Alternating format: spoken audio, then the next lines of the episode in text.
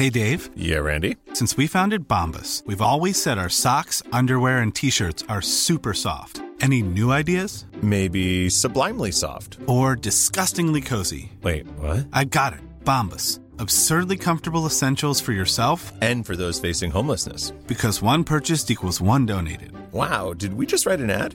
Yes. Bombas. Big comfort for everyone. Go to bombas.com slash ACAST and use code ACAST for 20% off your first purchase. Burrow's furniture is built for the way you live. From ensuring easy assembly and disassembly to honoring highly requested new colors for their award-winning seating, they always have their customers in mind. Their modular seating is made out of durable materials to last and grow with you. And with Burrow, you always get fast, free shipping. Get up to 60% off during Burrow's Memorial Day sale at burrow.com slash ACAST. That's burrow.com slash ACAST. burrow.com slash ACAST.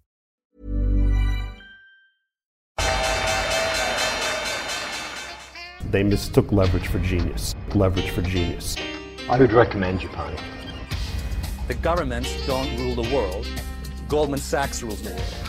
Velkommen til en ny episode av podkasten 'Tid er penger'. En podkast med Peter Warren. Jeg heter Sverre og er produsent. Og jeg tror egentlig vi bare går i gang. Vi har uh, syv temaer i dag. Og den første er ei samling av tall som uh, jeg kalte crazy tall da, om markedet. Som jeg bare samla inn rett før du kom nå. Så hvis jeg kan lese dem opp til deg Kom igjen. Siden siste episode så Jeg har ikke akkurat datoen da, men så har Tesla runda 2000 dollar per aksje. Apple sin eh, markedsverdi er over 2000 milliarder dollar. Eh, litt av meg hvordan du regner det, men nå så er makrotall på det beste det har vært noensinne i historien, med omtrent 50% margin. Eh, Fed sin balance sheet her er jo gammelt nytt for så vidt, men har økt med 3000 milliarder dollar så langt i år. SMP 500 eh, er på all time high, mens vi er inne i utallige kriser. Det er så mange at man ikke klarer å navngi dem engang. Apple sin price earnings er godt over 30. Den lå på 10 i mange år og har steget da de siste to årene kraftig. Og så så jeg bare litt på markedsverdien til to tidligere nevnte selskaper, som er Apple og Tesla. Og da ba jeg gjette om hvordan den var i forhold til OECBX, altså hovedindeksen på Oslo Børs, totale markedsverdien. Og du kom ganske nært på Tesla, som er da 50% mer verdt enn hele Oslo Børs, minus da de her småselskapene. Jeg vil ikke si at jeg var så nær. Jeg, var, jeg mente at det lå røftlig rundt 20. Du så 20 over, de er 50% mer. Mens Ja. Apple derimot er verdt åtte ganger hovedindeksen. Ja. Så, så du, du mener at eh, Oslo Børs er ikke verdens navle, er det det du forsøker å si? Jeg forsøker å si at tallene er så, er så merkelige nå at det er nesten vanskelig å forstå det. Det er så vanskelig å si noe intelligent om. det. Ja, altså jeg kunne si Jeg føler at jeg ville kunne si mer fornuftig om, om Apple enn en Tesla, men det er, det er meg.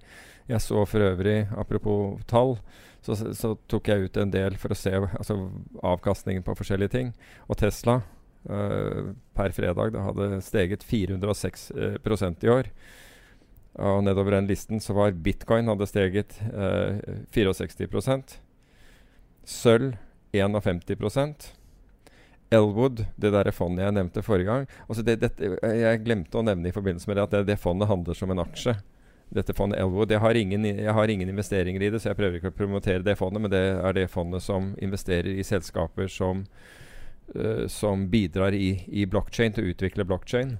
De er opp uh, 47 Nasdaq er opp 32% Gull 29% og da både gull og sølv har jo korrigert ganske uh, kraftig fra, fra sine topper. Eh, videre amerikanske statsobligasjoner med 20 år eller mer løpetid er opp 23% og da har jeg brukt TLT, den, eh, det, det børsnoterte fondet, hvor man, hvem som helst kan egentlig kjøpe, uh, kjøpe seg inn i, inn i disse. AIEQ, som er den, uh, det, det fondet som bruker uh, kunstig intelligens på å, å forsøke å slå SMP 500, er opp For vi har snakket om dette, det fondet tidligere, og vi har, vi har liksom gått litt frem og tilbake om, om, om det var bra eller ikke, om, om det svarte i forventningene. Er opp 10,3% SMP 500 Nå runder jeg av oppover på disse her. Er opp, uh, er opp 5 High yield uh, ETF-en er ned 4 Oslo Børs er ned 6 og så må du ned til eh, Så du kan si at Oslo Børs er er ikke akkurat bra i forhold til disse her andre, men det er iallfall bedre enn oljeprisen, som er ned 32% Så det er litt av et spenn i år. Hvis jeg skal gå tilbake til det du sa, og du nevnte jo to ting. Det ene, ene var disse makronøkkeltallene uh, som var, var, var, på en måte historisk høy. De er historisk høy i forhold til forventning, ikke i forhold til sine, på en måte sine, sine historiske, eh, historiske tall. Og det, kan da, det gjenspeiler jo en, veldig mye at forventningen i forbindelse med koronakrisen var svært dårlig. Uh, og, og, at det på en måte har, mye av det har, har snudd. Og så er det én ting ved SMP 500. Og det er at Hvis du hadde tatt bort teknologi, altså den lille delen av den som virkelig har gått, så er den indeksen også ned i år, omtrent på, på, på nivået med Oslo Børs.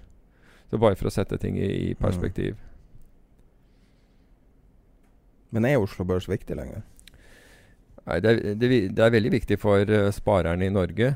Men Oslo Børs er jo på en måte et, et, derivat. Altså Alle ting går på risk on og risk off for tiden. Og slik at det er det amerikanske markedet som leder hen. Og det, det handler jo i, i, praksis nesten 24 timer i døgnet hvis vi bruker future-kontraktene uh, på SMP som, uh, som, proxy og, eller uh, future-kontrakter på, på, på Nasdaq. Slik at alle meglere sitter og ser på det, og du kan si at markedet og alle forvaltere sitter og ser på det. Så de blir positive når de ser at USA er grønn, og de blir negative når de ser USA er rødt. Stort sett er det slik. Det er en høy korrelasjon mellom, mellom disse. Jeg tror du nevnte Hva var det du spurte om? Forrige, jeg tror du snakket om korrelasjon, gjorde du ikke det, mellom gull og bitcoin? Jeg sa bare at det visuelt var en ja, Siste er, syv dager var det veldig tydelig korrelasjon. Ja, og, og det, er, det, er, jo posit, stort sett positiv korrelasjon mellom Altså Den er ikke sånn 80 Altså den er ikke 0,8 eller noe sånt, nå, men, men det, er en, det, er en, positiv korrelasjon uh, mellom gull og bitcoin. Det er riktig, det. Altså, jeg, jeg, vet ikke hva snittet er, men jeg tipper at det er noe sånt som 0,3. Så det er, det er, en positiv korrelasjon der. Ja. Bare for, at, bare for å, å, å, å, å si vindicate det, det, du sa. Men det er Altså, det som er på andre sida av de her tallene her også, er jo at hver gang jeg hører noen snakke om New York, så er det at folk flytter derifra. At når ja. du hører om storbyer i USA i, rundt spredd i hele Nå snakker vi jo primært om USA, da, men så er det ikke bare opptøyer, men det er opptøyer på en helt sånn ny måte. Altså veldig høy aggressivitet. Og så har du korona som i bakgrunnen og bare dreper folk øst og vest. Ja, var det nå 180 000, tror jeg det var det siste tallet jeg så, eller at man hadde passert 180 000 døde i, uh, i, USA.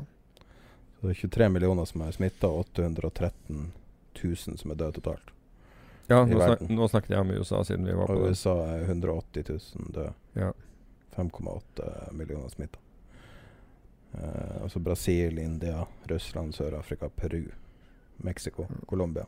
Så det er veldig mye i Amerika.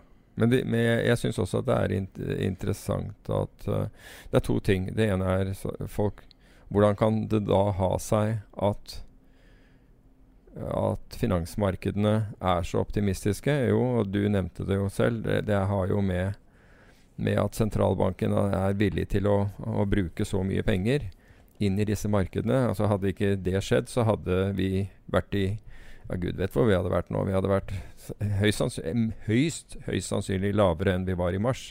Mm. Men det at sentralbanken har gått inn og, og, kjøpt og kjøpt og kjøpt, så har man fått denne, den, denne effekten. Så, og, og, det har jo også gjort at forventningene er blitt bedre. Men det har jo også gjort at når du ser nå uh, forvaltere og analytikere uttale seg, så, så, så, er det vanskelig å få altså, nå, nå lager man et narrativ som passer til at, dette, at markedet er her, her, det er.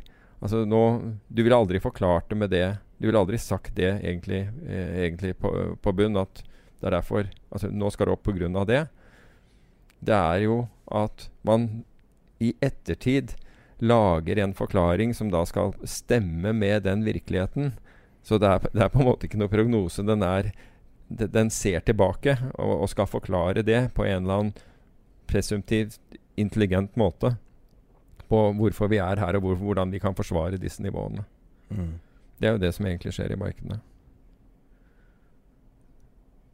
Mens veldig mange øh, Det vi ser, er jo at Morgan Stanley var jo en av de siste som sa at liksom, de trodde at nå er dette så rikt priset at nå, nå bør man komme seg ned. Altså i, uh, i, i vekting. Men det, det, du opplever, er jo veldig mange fondsforvaltere som kommer nå på og skal vekte opp. Mm. Så sent i den sykkelen. Men altså, vi vet jo ikke hva som er sent i sykkelen, Akkurat som på samme måte som vi ikke vet hva som er, hva som er uh, topp i, uh, i, i, i Tesla. Og vi har mange lyttere som er interessert i Tesla. Og noen mener jo at dette her bare skal videre, men du har andre som hele tiden forsøker å finne nivåer å, å, å shorte Tesla på. Og problemet er at det er, den er en vanskelig short. Folk har sittet short siden 200 dollar. Mm. Og fortsetter Altså Du kan si at hvis du er, privat, hvis du er et privattrader og har sittet short fra 200 oppover, så er du en eks-privattrader nå. Er du en fondsforvalter, så har du kanskje klart å, å på en måte altså, altså, Da har du andre ting da, som, som forhåpentlig har gått i din favør i den perioden. Jeg vil jo si at det er dårlig risk management. Uh, vi snakket om så vidt jeg var om Tesla sist gang. Jeg sa da at opsjonene altså Selv om de ikke er billige i noen, for, i noen form, da, da hadde du, du halvert uh, volatiliteten på, altså den implisitte volatiliteten på opsjonene, så opsjonene var mye mye rimeligere enn de var bare en måned tilbake. Da var de nede på 62. Nå har de gått 15 poeng høyere, så nå mm. ligger de, de samme opsjonene rundt 77 uh, prosent implisitt volatilitet. Um, Går det an å rasjonalisere den bevegelsen du har på noen måter, f.eks. Uh, splitten? Altså, du kan si at Skal splitte fem ganger? Bare. Ja. Altså, og her, her, Du kan si at jeg, jeg, har rett i forhold til det jeg sier nå, men jeg har feil i forhold til hva som har skjedd i kursen. For det var flere, flere som snakket med meg om den, den, uh, den, splitten.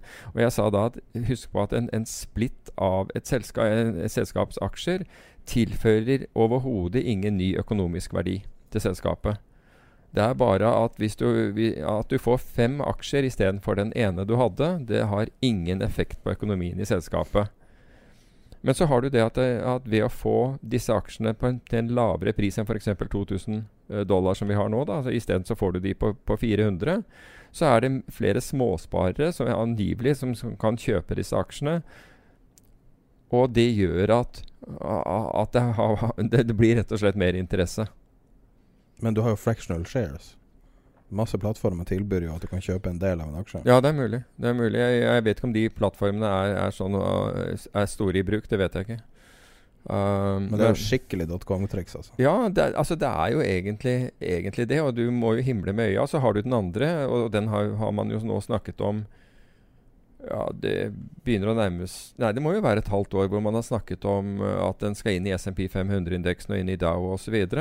Og der, vi har jo sett kjøping i forkant av det fra aktører som da tar sjansen på at det skal inn. Også, altså buy the rumor, sell the fact-type greie. Mm. Men, men altså, jeg vet ikke utfallet av det. Eneste jeg vet, er at dette her er en aksje hvor du må manage your risk. Hvis du skal være involvert i den, så må du manage your risk. Og du har spurt meg ved flere anledninger har du noe i, i, Tesla nå. har du noe i Tesla nå? Og jeg har sett på det. Jeg har forsøkt å regne på og se om jeg kan sette opp posisjoner. Men jeg har hele tiden funnet at den, altså det er lettere ting å tjene penger på enn enn Tesla. Altså jeg har ikke, jeg har ikke funnet jeg, var, altså De to posisjonene av Tesla for Hva er det for noe? Det er et år siden eller noe sånt nå. Um, ja, var det noe sånt? Ja, det var enda lenger, tror jeg. Uh, de fant jeg å si Da, da syntes jeg det var attraktivt. Jeg syntes ting stemte, og jeg følte at jeg kunne kontrollere risikoen på det jeg gjorde.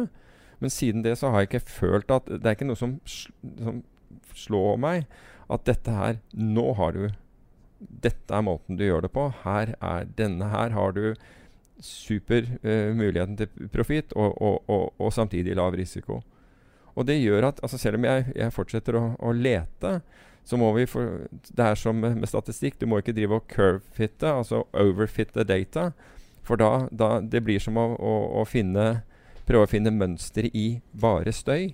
Stirrer du lenge nok på, på en sånn en skjerm som bare viser deg støy, så ser du til slutt et mønster. Du innbiller deg rett og slett at du ser det. Og det, det er ikke de gode trøydene, altså. Det er vel noe som du opplever eh, når du kjøper dine første aksjer. Du kjøper deg inn, og så har du en casual interesse, og så får du helt sykelig interesse av enhver lille nyhetsting, enhver liten eh, kursbevegelse. Alt virker signifikant. Ja, jeg, tr jeg, tror det er spesielt for folk som da kjøper kanskje én eller to aksjer. Mm. Da, da, tror jeg du, du får den, den, biten der mye mer enn f.eks. noen som har en portefølje av ting. Da tror jeg ting roer, altså roer seg litt mer ned. Så det kommer an på hvor, hvor spesifikk du er i dine investeringer. Det er, bare, det er veldig interessant å se folk som er rasjonelle mennesker, leger, eller hva enn man skal si. Altså, voksne, seriøse folk. F.eks. gjør en valutainvestering. Og så ser du at de får noe sånn blikk i øynene, sånn thousand yard stare. Og de prøver å bringe det opp i enhver sammenheng. Og det er veldig spesielt det psykologiske fenomenet med at du plutselig tilegner noe som du før ikke ville ha tenkt to ganger på en gang, ja. til å være det viktigste på jorda. F.eks dem som dedikerer hele livet sitt til Tesla-shorting. Ja. Det er ganske mange. Ja, da, og, og, og, like mange long, selvfølgelig. Ja, og, ja du, du, absolutt. Og, det at vi, vi, ser at det vi anser som smarte smarte tradere eller forvaltere har disse shortene. Det er også en sånn ting. ting ok, det, det, kan ikke være galt i å være short den, men alle må manage risken på det. Du, du kan jo ikke sitte f.eks. Og, og, og oppleve at, at, Tesla går fra 600 til 2000 dollar. Altså da, da, burde jo investorene dine komme og si altså Hvis du har tatt Hvis du liksom har et tap hvis du, hvis du, altså Fra 600 dollar var potensialet jo Det var at aksjen kunne falle 600 dollar hvis, hvis Tesla gikk konkurs. Og Isteden taper du 1400 dollar på den. Da burde jo investorene dine spørre deg hva du driver med, ja. føler jeg. Altså, Hvordan er det du riskmanager den, eh, denne porteføljen? For det, det, er et unødvendig slep da, på det du gjør. Og hvorfor sitter du så lenge? Ja, altså, du sitter så lenge fordi du er overbevist om at den ideen din er riktig. Du kan ikke se Altså, du har kognitiv lukking for, for noe annet. Men det er jo slik at når ting går deg imot, det er, det er markedet. Og at the end of the day så er det markedet som bestemmer hvor, hvorvidt dette her er hvorvidt, hvor, hvor, hvorvidt du skal tjene penger eller ikke, det er, det er, ikke deg. Det er den kollektive markedsoppfatningen. Og, og, og, vi kan ikke si annet enn kollektive markedsoppfatning på Tesla har vært helt én vei. I øyeblikket, det er ikke bare Tesla, men det gjelder også hele det amerikanske aksjemarkedet. Short-interessen, altså de som er short, er veldig, veldig, veldig lav på begge deler. Historisk lav, nærmest. Det, faktisk interesserer meg, for jeg er en contrarian av, av, av natur. Så nettopp det at det er få shortere, gjør det mer interessant for meg å se den veien enn å se, se, se longveien. Du snakker jo ofte om eh, opsjonsstrategier. Er det en sånn typisk strategi at du kunne ikke begynne å sette opp diverse diverse Altså på et eller annet vis akkumulere putter? Du, du, kan gjøre det, men så lenge det ikke er priset inn. Så lenge ikke disse bevegelsene allerede er priset inn. Men skuen er jo slik. altså Du ser jo at putter med altså salgsopsjoner med, med strikepris lavere enn en kursen i dag, prises fortsatt veldig høyt. Så du må finne en måte å nøytralisere det på. Det du, og det kan gjøres gjennom forskjellige opsjonsbredder.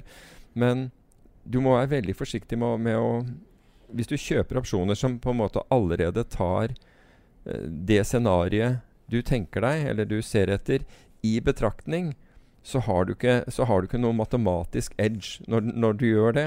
Sannsynligvis så, så, så, så, vil du ikke klare å, å, å, fange den bevegelsen gjennom å gjøre det. Så det må gjøres på en intelligent måte. da. Hvor lenge tror du det kan fortsette hvis du skal sette et tall? Vet du hva, jeg hadde ikke Altså du skal sette et sinnssykt tall? Bare. Jeg, jeg syns tallet allerede er sinnssykt, jeg. Ti år?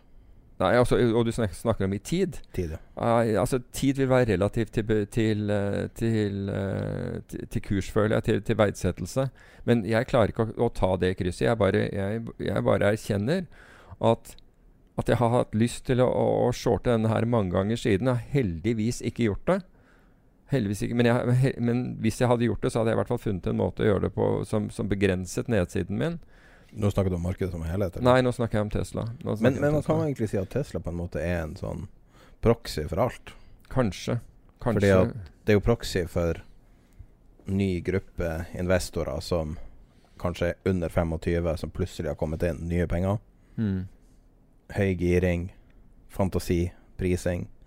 Også det merkevare er viktigere enn noe annet. Det er jo det ofte mange investerer rundt merkevarer som kjenner. Ja. Det er jo en sånn gammel greie som sto i investeringsbøker før. Investere i det du kjenner, Coca-Cola eller hva det er for noe. Så det er på en måte alt putta inn i ett selskap. Ja, pluss noen store investorer. Og det er ganske interessant, fordi Bailey Gifford er den største institusjonelle, altså det skotske eh, forvaltningsselskapet, som er veldig stort.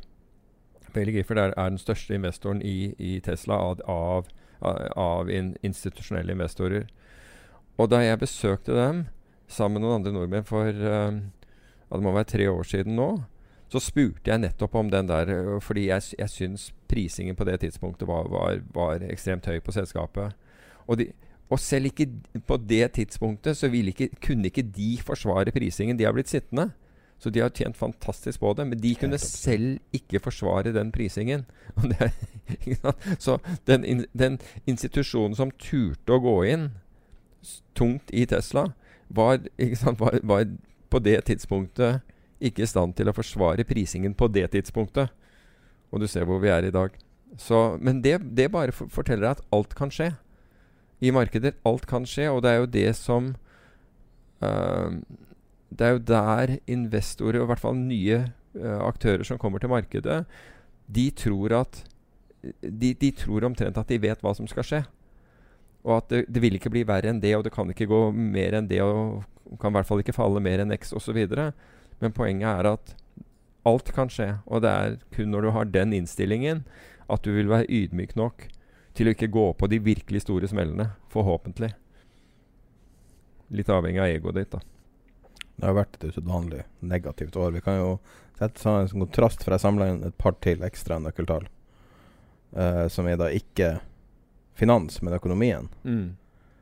Og bare og sjekka litt før vi starta nå. Og cirka, det er ca. 80% færre flypassasjerer eller flyreiser nå i USA enn det var rett før korona. Det er ca. 55% færre restaurantbordbestillinger basert på Open Table. Og det er ca. 30% som fortsatt jobber hjemmefra av arbeidsstokken. Det siste tallet er ikke 100% men det er det nærmeste jeg kommer et sånt tall. Sånn at hvis du stiller det opp mot alle de her nøkkeltallene, så ser du at det det definitivt ikke kommer tilbake igjen. Og man får kanskje en indikasjon om hvor vi ville ha vært hvis vi ikke hadde hatt subsidier. Ja, absolutt. Altså det, ville jo vært ekstremt mørkt. Samtidig så kan jeg ikke annet enn reagere. Nå, jo, nå, nå ser jo vi på liksom globale eller amerikanske tall.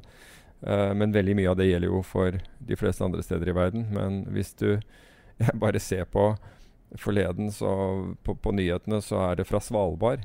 Hvor, eh, hvor Iselin Nybø er der oppe og, og, og, og snakker med næringslivet der oppe. Og de er jo sterkt avhengige av uh, turistnæringen. Og det er da noen som, som tar med folk på kajakkturer og har da og Her snakker vi ikke om store beløp som skal til for å redde disse her, men de er i ferd med å gå konkurs fordi eh, pga. alle restriksjonene som er, og de får ikke eh, turister opp der. Og Så ser du ned til Oslo-gryta, hvor da folk kommuniserer direkte med ministre på, på, på mobiltelefon og, og tekstmeldinger, og, og, og, får i bøttetall altså tilpasset sine, eh, sine virksomheter, så må jeg jo si at altså, det, det umiddelbart slo meg da at liksom Svalbard er liksom den glemte øya eh, oppi det hele. Og, men så avhengig. Men det er ikke noen du ser hver eneste dag og hører fra hver eneste dag. Så jeg, jeg, jeg syns oppriktig synd på, på, på, på, de som, eh, på, på de som lever i, de, i om du vil, da, utkantstrøk av, av, av landet akkurat i det, i, i det som i, i, denne pandemien. For det virker som de har blitt mindre tatt vare på enn enn det som er mer sentralisert. Og hvis det er én ting jeg skulle altså Jeg er ikke ute etter å kritisere regjeringen på For jeg syns de har vært altså De dundret på med tiltak og gikk Det var ikke mye, mye byråkrati i veien for å, for å gjøre det. Uh, så sånn sett så tror jeg man har gjort veldig, veldig mye bra. Men akkurat jeg forstår ikke Det er akkurat som jeg ikke forstår, uh, heller ikke forstår at folk som ble utsatt uh, for Nav-skandalen, ikke får pengene sine. Altså, Hvor lang tid kan det ta å, å få utbetalt Får de ikke penger? Så? Nei, de, altså, de, de, de sitter som satt i fengsel? Ja, de, de, sitter jo fortsatt og venter på Mange av disse sitter og venter. Og det er jo liksom helt utrolig for meg. Når vi klarer å gjøre en sånn uh, skippertak når det gjelder pandemien, så bør i hvert fall der hvor du har ordentlig gått feil, det burde være mulig å si at ok, her, du, her får du 80% eller sjablongbeløp, whatever it is. Men se nå å få ryddet opp i den saken. Det er sånne ting jeg ikke helt skjønner. Men som sagt, det, det er ikke meningen å, å, å kritisere uh, regjeringens håndtering generelt. For jeg, jeg må jo si jeg, jeg syns jeg var imponert over måten over, over, måten det ble gjort på. Og Vi har snakket om det tidligere også. Jeg var, gikk en tur, og så gikk jeg forbi liksom, uh, Voldsløkka, der det er fotballbane. Og så var det masse unger som spilte. Så tenkte jeg faen, det her hadde vi ikke hatt hvis de ikke hadde tatt tiltak i, uh, i mars. Nei. Da hadde det vært tomt der. Ja. Og da hadde alle sittet hjemme fortsatt, sånn som det er i USA. Så uh, det er helt fantastisk uh, bra gjennomføring. Det jeg syns er litt rart, er det at man har sånn fylkesvis røde soner i Sverige og alt sånt.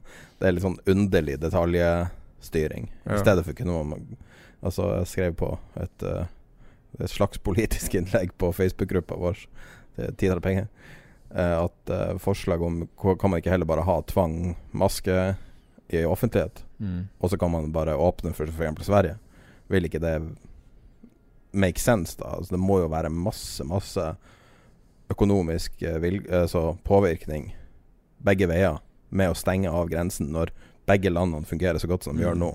Det er, jo ikke noe, ikke noe løps-løps-smitte i Sverige lenger. Men nå har man jo dratt på med, med maskebruk bl.a. på offentlige kommunikasjonsmidler. Har du tatt offentlig kommunikasjon i det siste? Ja, nå tok jeg ferge, da, og der, der er det god, god, plass mellom, uh, mellom uh, passasjerene. Men uh, Ja, for det er ingen på bussen som bruker maske? Jeg vet at datteren min gjør det. Så jeg gjør det, men det er nesten ingen. Kanskje okay. 5 3 eller okay. Men altså, til skolen så, så, bruker hun det. Det er jo veldig Man må jo bare beskytte seg sjøl mot Selv om det er ikke så stor sjanse å bli smitta nå, så er det jo devastating eh, potensielle langsiktige konsekvenser ja, hvis du da skulle overleve. Ja, Absolutt. Det er helt idioti å være motstander.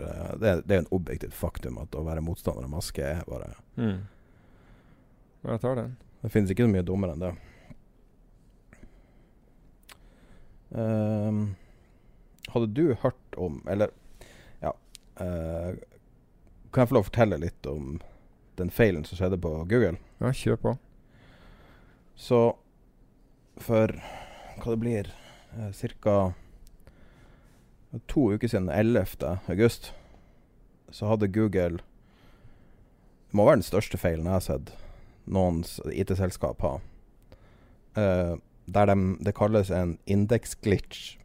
Um, som betyr at Google slutta å funke i seks timer.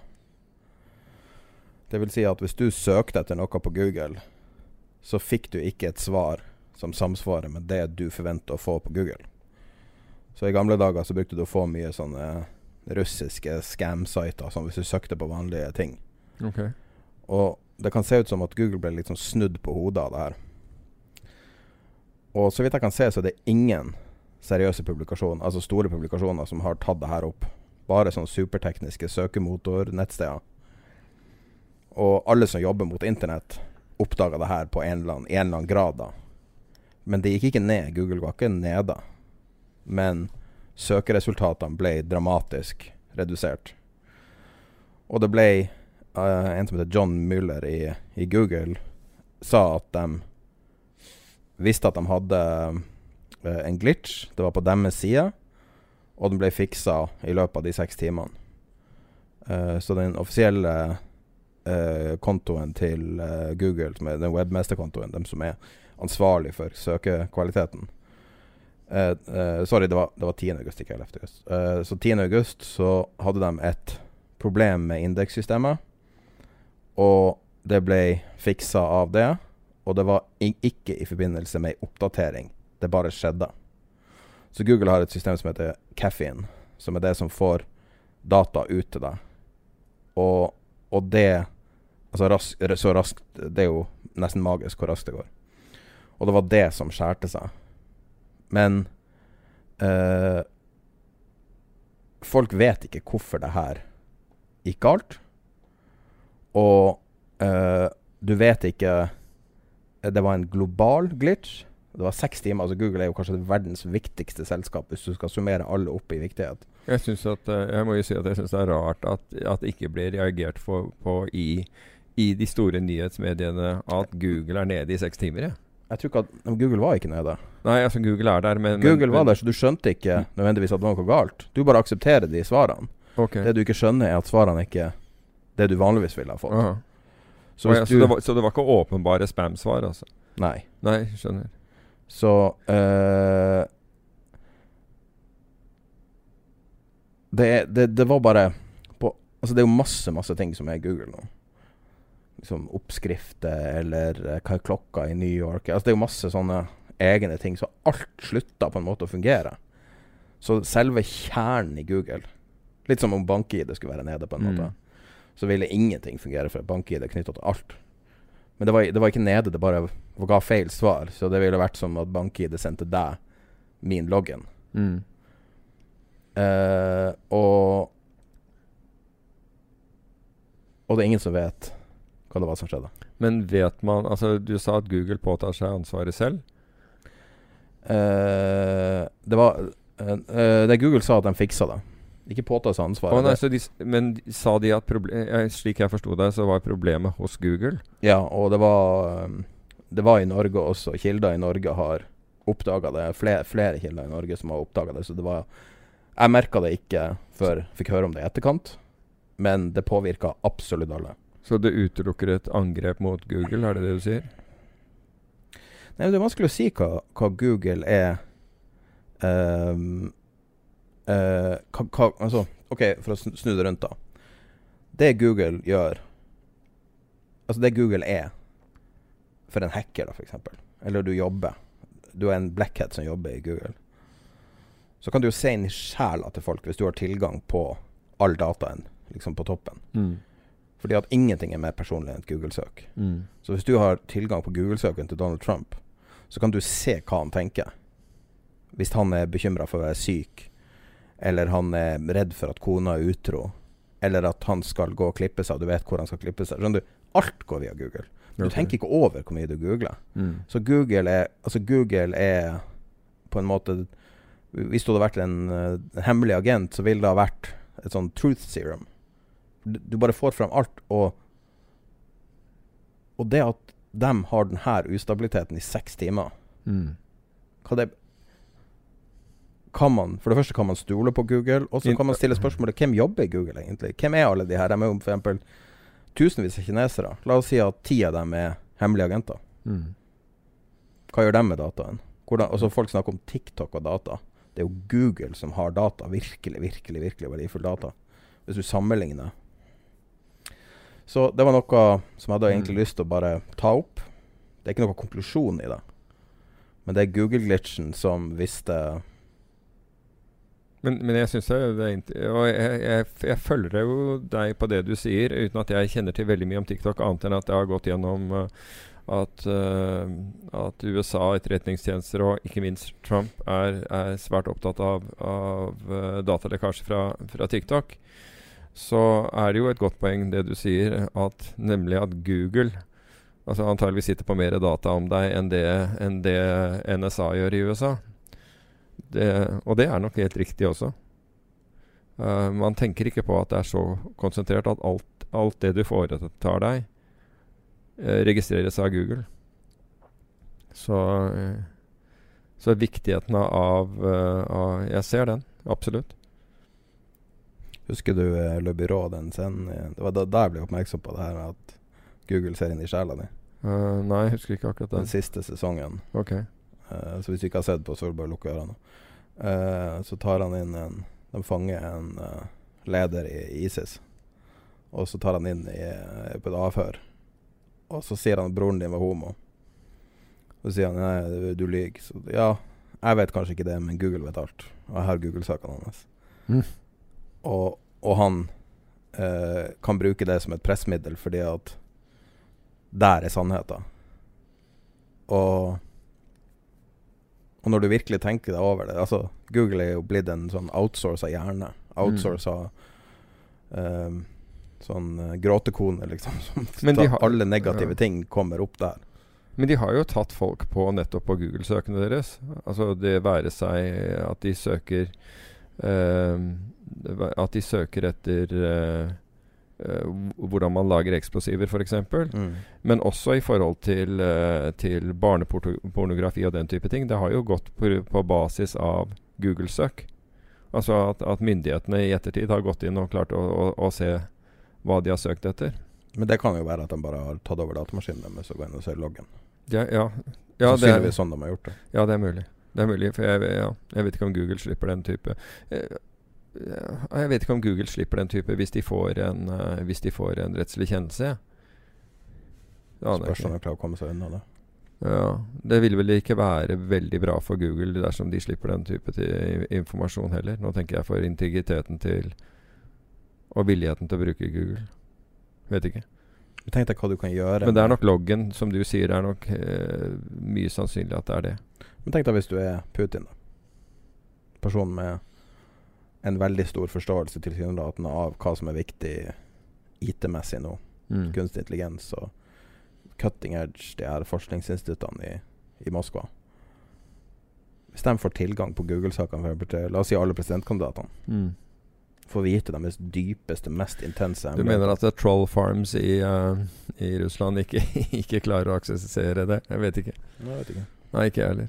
Men uh, jeg husker jeg kjente noen folk fra Bloomberg. Eh, hvis du har Bloomberg-terminal, Mm. som er utrolig personlig sånn finansmessig, ja. hvis du er forvalter f.eks. Så hvis du jobber i salgsavdelinga i Bloomberg, så kunne du se skjermen til alle brukerne du ville. Og Sånn at du kunne se hva de puncha inn, alle sammen. Men der ble det jo reagert, mener jeg. Fordi noen Der var det noen journalister Gordon. som hadde skrevet Ja. fra det. Så eh, journalister hadde brukt den dataen.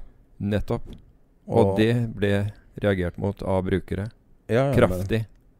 Ja, ja, mot. Goldman Ja. slo tilbake. Men kan du forestille og, og da husker jeg Bernanke, Ben Bernanke, han daværende Fed um, Fed-leder.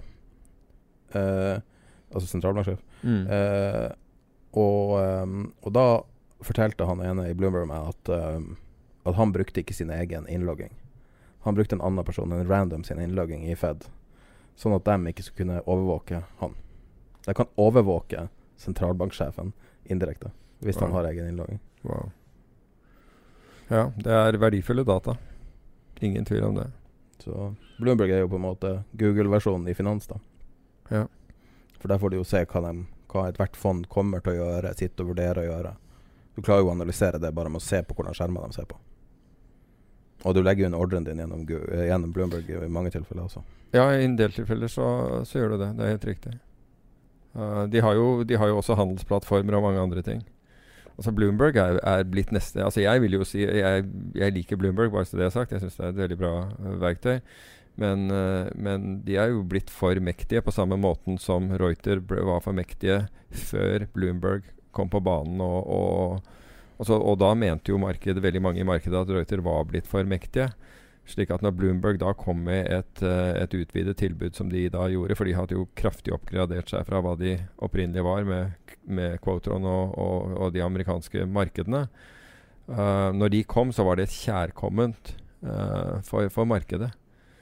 Altså EBS, det elektroniske brokersystemet brokersystem for, for valuta, ble jo startet fordi man var misfornøyd med den monopolsituasjonen Reuter hadde på, på elektronisk uh, valutahandel. Og EBS ble veldig raskt det største. Jeg er litt overraska over at det ikke har vært noe backlash. Fordi det var jo masse snakk om at både JP Morgan og Goldman hata den der eh, Bloomberg-regninga, Mm. som var på tusenvis av terminaler til Ja. 200 000 stykker i året. Norske, ja. Mm. Så Men det er noe her fortsatt. ja. Blir Det er jo fort 250 000 i året, faktisk. Når du tar med eh, exchange fees og den type Jeg tror det er 36 000 dollar hvis du skal stekke den fullstendig. Mm, Det kan godt hende. Men det som er veldig veldig bra med Bloomberg, det er jo at de har, uh, altså, de har regnemodeller og den type ting for en helt haug av ting. Blant annet, altså, vi, før så brukte vi noe som het Phoenix for å regne ut uh, verdien av opsjoner. Altså når man handlet med en annen bank. For at vi skulle bli enige om hvor mye som hvor den opsjonen var i premie. Eh, nå bruker du Bloomberg. Uh, CDS-kontrakter regner ut via Bloomberg for å vite hva, hva du faktisk skal betale for dem. Så Bloomberg er liksom blitt en standard for veldig mange ting, da. Uh, så Finansnyheter på internett. ja, eksempel. Det er veldig, veldig, veldig mye Bloomberg. Det er veldig mye Bloomberg. Absolutt. Nei, uansett. Google eh, Det er litt skummelt, det som skjer. altså. Folk lurer på hvordan uh, framtidas kriger ser ut. Jeg tror de ser litt sånn her ut. Ja, at det er eh, Glitcher i systemet. Ja, altså da, da Russland satte ut uh, alle datasystemer i uh, var det Sør-Osetia for, for mange år siden, så, så, så Det var jo en sånn der deniable, deniable eh, operation of service de gjorde. Da, den gangen, altså Georgia, Sør-Osetia lå i konflikt, da så du Da, da begynte du å se cyberwar brukt. Eh, Det er en av de første gangene jeg har sett det. Mm. Men det har, det har sikkert vært uh, eksempler på, på det, på det ti, tidligere. Ja, det, DDoS, det du refererer til. Ja. Og, eh, distributed denial of service. Ja. Um, og det er jo en veldig usofistikert angrep. Altså det er jo i praksis masse pinger. Mm. Så du, du stopper et system, så du kan ta ned hjemmeside og ta ned ting som er litt sånn uh, outward facing. da Ja. Det som er litt skummelt med det her, er jo at At Google er en black box.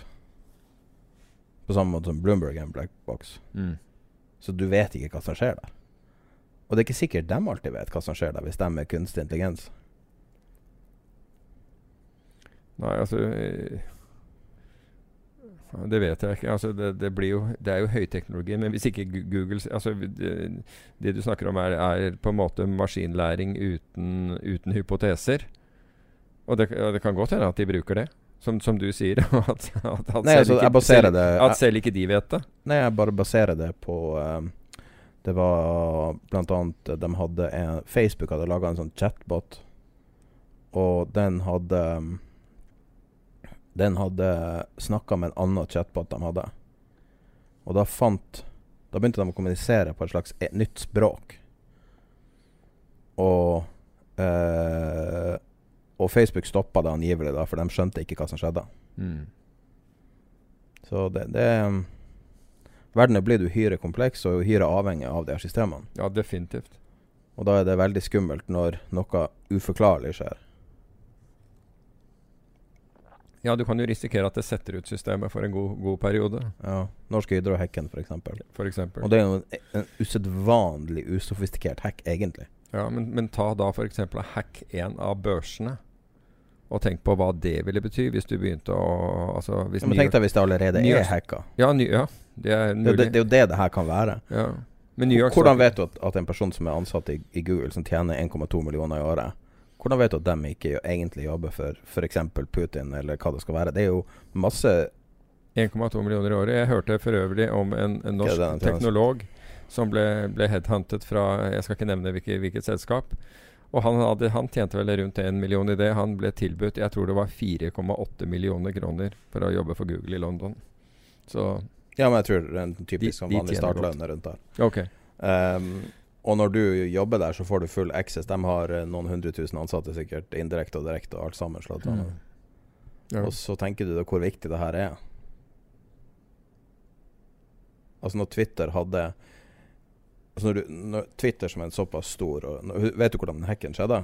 Hvilken hack? husker du den der det er masse store kontoer drev og tweeta ut uh, oh, ja, den, ja. Nei. Vil du vite hvordan det skjedde? Ja.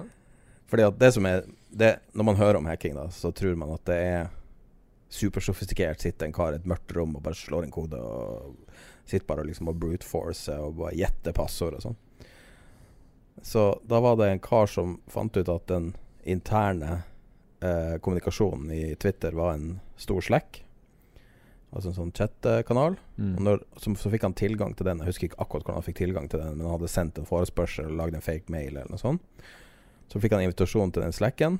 Og når han kom inn, så sto så var den på toppen så var det en sånn sticky post som var brukernavn og passord til Godmode i Twitter. Til Godmode. Ja.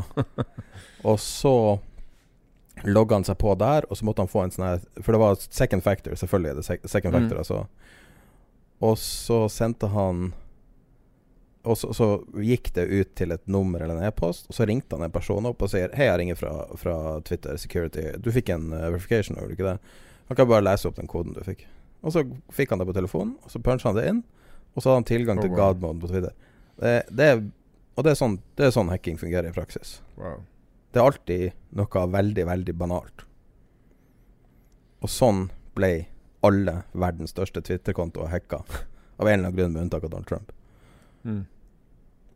Barack Obama og Bill Gates. Og det var vel åtte eller ni stykker på topp ti rikeste på jorda. Det samme om de hadde tatt alle forhåndsregler med sikkerhet. Wow. Sårbart. Sårbart. Og det her, er, det her er Twitter. Det er en av de største i Silicon Valley. Mm. Det forteller noe om sårbarheten i et system. Det er iallfall helt sikkert. Og Google er jo de smarteste av de smarte, dem. men likevel, altså. Ja. Uh, vi kan ta et, uh, et stort steg eh, utover til ditt favorittema, psykologi. Ja, og hvorfor jeg gjerne vil snakke om det nå, er fordi vi har jo disse to kanalene. Vi har jo den, den Facebook-kanalen Tid er penger. Eh, Facebook-kanalen hvor vi har 5500 uh, Hva heter det for noe? Medlemmer. Ja. Uh, Pluss plus Discord. Og, og det og, og jeg legger merke til at det er veldig liten grad av av spørsmål og snakk om, om, om, være seg markedspsykologi eller prestasjonspsykologi i det. Og, men jeg får veldig mange henvendelser om det. Um, og det, så det har jeg faktisk reflektert over. Og jeg tenker jo at fordi det er mer personlig. Folk føler det der eh, mer personlig. Og så, for å dele opp de henvendelsene jeg får i det, så vil jeg si at 70-80% av henvendelsene jeg får, de får jeg fra folk som har hatt store tap, um, og som er fortvilet over det, og som ikke er ute etter aksjetips eller, eller noe annet, men de er rett og slett ute fordi de er en Altså, de, de, de skjønner at de har ved sin eh, opptreden, oppførsel i markedet, eller hva, hvordan man skal beskrive det, har sterkt bidratt til at det er blitt så dårlig. Og så har du den andre 20-30 Jeg tror kanskje den er nærmere 20 for å være ærlig enn en 30 Det er fra de som ønsker å for, forbedre seg. De, de gjør det bra, men, for, men, de, men tror at de kan gjøre det enda bedre vi, eh, og øke sin e egen prestasjon. Og Jeg kan bare nevne altså i, i den forbindelse hvor altså det der å, å å få tak i seg selv og bli, eh, altså, Og der bruker man ofte ting som mindfulness, eller noen bruker meditasjon, andre bruker mindfulness og den type ting. Goldman Sachs startet sitt første mindfulness-program i 2012 for, for, for sine tradere, og de aller fleste av disse virkelig store inve investeringsbankene bruker den type ting i dag for at folk skal bli mer fokusert, mer konsentrert osv. Og i dette så, så er det så jeg har på en måte Basert på alle de der samtalene jeg har hatt uh, rundt dette, så er det jo litt grann om hvordan folk uh, identifiserer seg, hva de gjør, og, og hva de forsøker å gjøre. Noen kaller seg tradere uten å være uh, hva jeg ville kalle en trader. Andre er langsiktige investorer, men det var som jeg jeg, jeg stilte spørsmål til deg i sted. Altså, hva, er, hva vil du si er forskjellen mellom en trader og en f.eks. en forvalter? Og, og svaret på det er beslutninger. Er antall beslutninger. En trader fatter da ekstremt mange flere beslutninger per dag. Og hvis du setter dette opp imot Hvis du tenker deg at du er i markedet, Og nå snakker jeg ikke om at du er i norske aksjer med lite volum. Uh, hvor, hvor, du Altså i sånne penny stock-type ting som er litt obskurt, fordi der har du kanskje ikke så stor konkurranse. Men hvis du konkurrerer f.eks. La oss si at det er i Tesla, eller om du handler amerikanske indekser, eller valuta, eller olje, den type ting, gull, sølv f.eks., så, så, så, så, driver du en, en form for eliteidrett. For der har du folk på den andre siden av handelen dine som er veldig på. Har veldig mye kunnskap, følger veldig godt med, har den beste teknologien. Og hvis du er i sånne markeder, så må du forstå at, at dette her er toppidrett. Og hvis du sier da at du sammenligner dette med, med toppidrett, så kan du se på uh, uh, Som jeg gjorde. altså Hvordan er det toppidrettsutøvere opererer i dag? Jeg så på ting som Ta håndballspillere.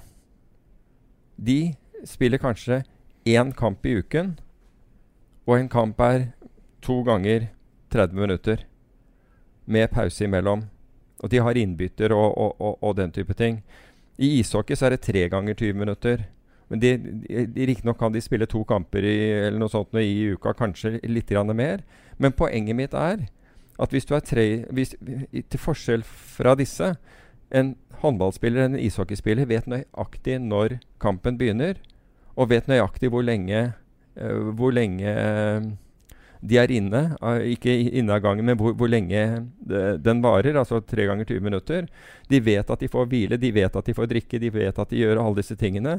Og er optimalisert til å, til å, til å prestere så godt de kan i den perioden. De er fullt på, men de vet at når e, e, etter, etter en time med pauser, så, så er det over. En time pluss pauser, så, så er, det over. Da kan, da kan de slappe av.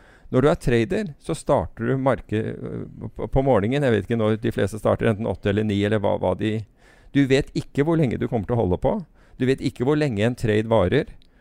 Du har ingen sikkerhet i dette i det hele tatt. Og du er overlatt til deg selv for å sørge for at du har riktig ernæring, at du får nok hvile og den type ting.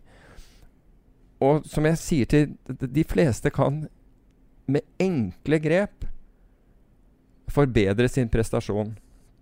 Ta et eksempel, og det er, det er blodsukkernivået vårt. Altså Hvis du sier glykogen, da. Altså, hvordan har vi er du, har, du, har du spist på forhånd? Har du, har du glykogen Altså hjernen vår, bruk, som er da 2 røftlig av, av, av, kroppsvekten uh, Sikkert en god del mindre i, mi, i mitt tilfelle. Uh, men, men ta 20, 20 mer av, av, kalorien din. Så hjernen din bruker noe sånt som for gjennomsnittsmennesket var da over, litt over 300 uh, kalorier per dag. Altså Hvis du ikke optimaliserer i forhold til denne type ting altså Vi vet fra, fra masse studier at, at, folk gjør det bedre, fatter bedre avgjørelser etter, at, altså etter frokost eller etter lunsj og den type ting, og dårlige avgjørelser rett før lunsj og, og, og rett før middag. Du er mindre stabil i psyken hvis du ikke har fått, fått uh, Hvis du ikke har den rette ernæringen, hvis du ikke har hydrert riktig, altså passe på å drikke slik at du, er, at du er hydrert gjennom dagen, så vil du få nedsatt kognitiv kapasitet. Med andre ord altså vi, Det er en hel haug av ting som, som uh, dette går utover. Altså du har glykogen, som er uh, Unnskyld, glukose, som, som er da som er da sukkeret i, uh, i, i, blodet. Og hvis du ikke bruker, bruker, det, så lagrer det seg i lever og i musklene dine, slik at, at, du kan bruke det derfra. Men når du går tom på det, så går dømmekraften din ned.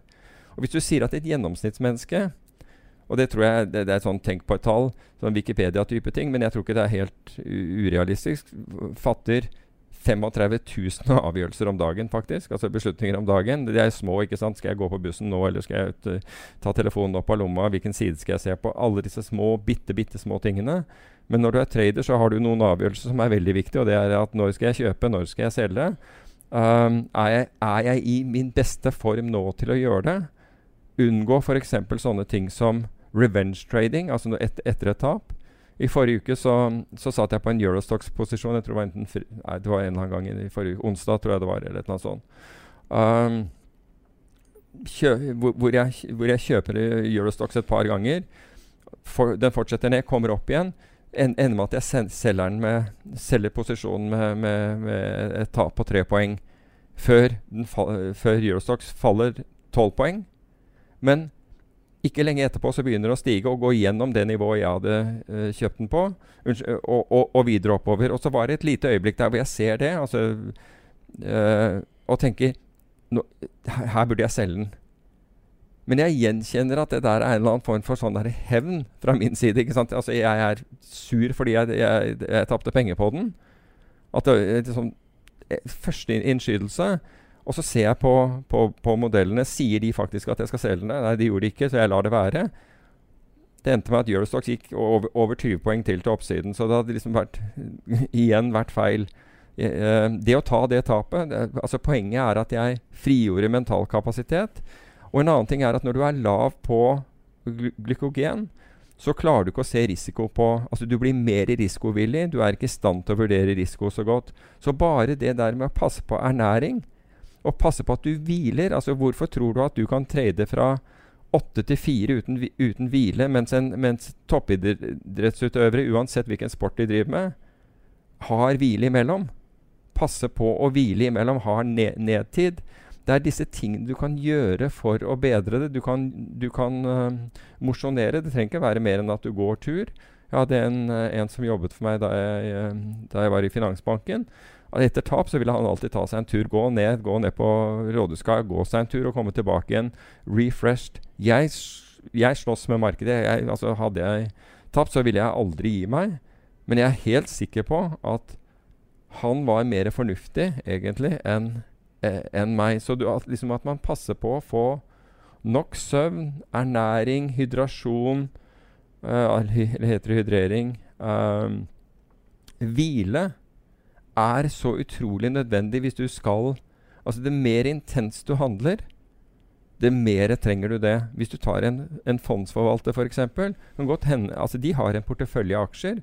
Og kan godt hende at de ikke handler en eneste gang det, øh, i løpet av en dag. Deres jobb Det betyr ikke at de ikke gjør noe. De sitter jo og analyserer og gjør, gjør, masse andre ting, men deres dag vil være mye mindre intens enn en trader. Så før man liksom ønsker å bli noe, så, så må man liksom på en måte vite litt om, om, konsekvensene. Altså hvordan er det livet kontra å, å roe det mer ned?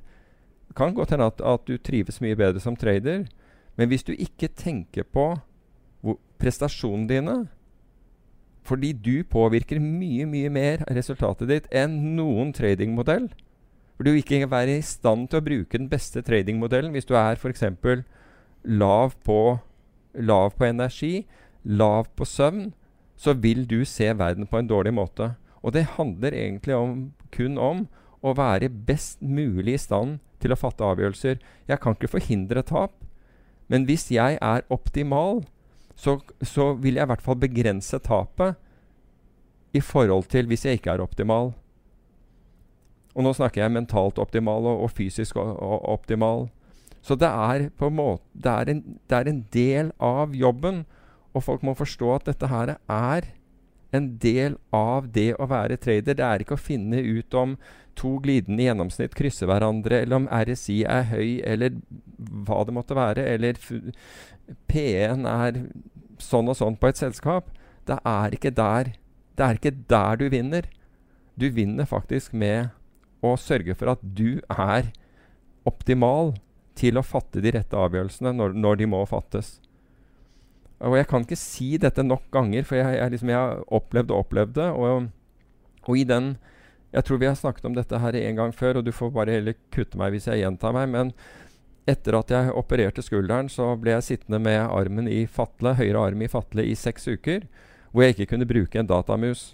Så jeg måtte da bruke datamusen med, med venstrehånd, som, uh, som jeg var relativt sett dårlig på og utrent til uh, ved et par anledninger, altså uten at jeg engang mente å, å, å, trykke, klarte jeg faktisk å trykke. Så jeg, jeg på et eller annet tidspunkt shortet gull og kjøpte olje. Heldigvis oppdaget jeg det umiddelbart, slik at jeg kunne komme ut av de, de handlene med en gang. Og det var uten å mene det. Det var bare rett og slett Kall det tics eller hva du vil, men det bare var en, en, en, altså en reaksjon i, i, i fingeren. Men det jeg fant ut, var at jeg måtte sakke ting ned Og jeg måtte være mye mer presis med det jeg gjorde, for jeg hadde ikke, jeg hadde ikke den motorikken. Jeg, hadde, jeg, kunne ikke få det til å gå så fort som, som jeg kunne med, med eh, den dominante, eh, dominante hånden. Men det jeg også oppdaget med det, var at hit-ratioen min steg. Jeg hadde flere vinnere enn tapere. Og, og hvorfor? Jo, fordi jeg ville ha ting helt riktig før jeg før jeg, jeg, jeg, jeg, trykket på enten kjøp eller selv. Da skulle det være helt riktig. Og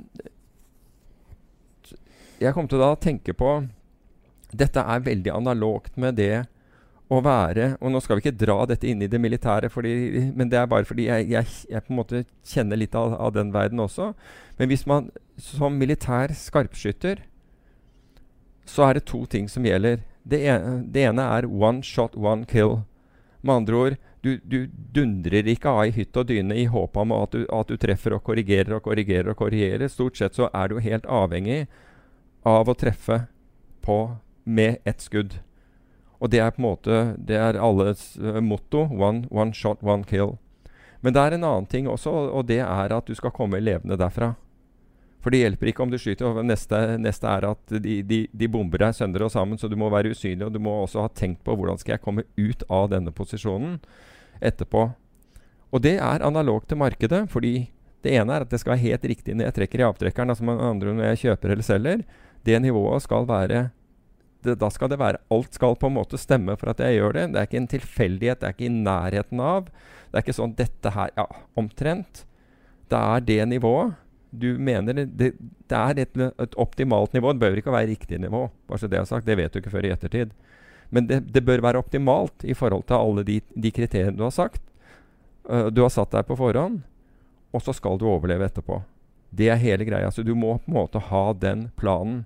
Og hvis du roer det ned til det, istedenfor å kave rundt i markedet og si at ah, 'jeg har ikke gjort noe i dag, så jeg må finne på noe'. Uh, altså, 'Nå må jeg bare prøve å se om jeg kan tjene noe penger'. Det er feil innstilling. Enten forteller modellen dine den trading-metodikken du bruker, uansett hva den er. For jeg har ikke noe, jeg har ikke noe formening om hva som er riktig eller galt der. Men enten forteller den deg at du skal trekke i avtrekkeren, eller så forteller den ikke. Hvis, ikke. hvis den ikke forteller at du skal gjøre det, så kan du også tenke at når på slutten av den dagen så handlet du ikke. Det er greit nok. Du tjente ikke noe penger, men du unngikk også tap.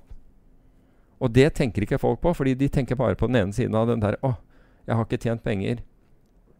Men hvis du på slutten av den dagen var, var, hadde et stort tap, så vil du definitivt tenke på det og angre på hvorfor de i all verden trakk av avtrekkeren når det var ikke optimalt.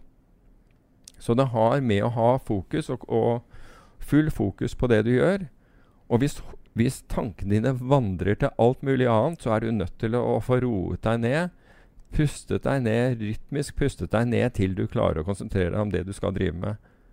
Og det har bare Altså, du må betrakte det.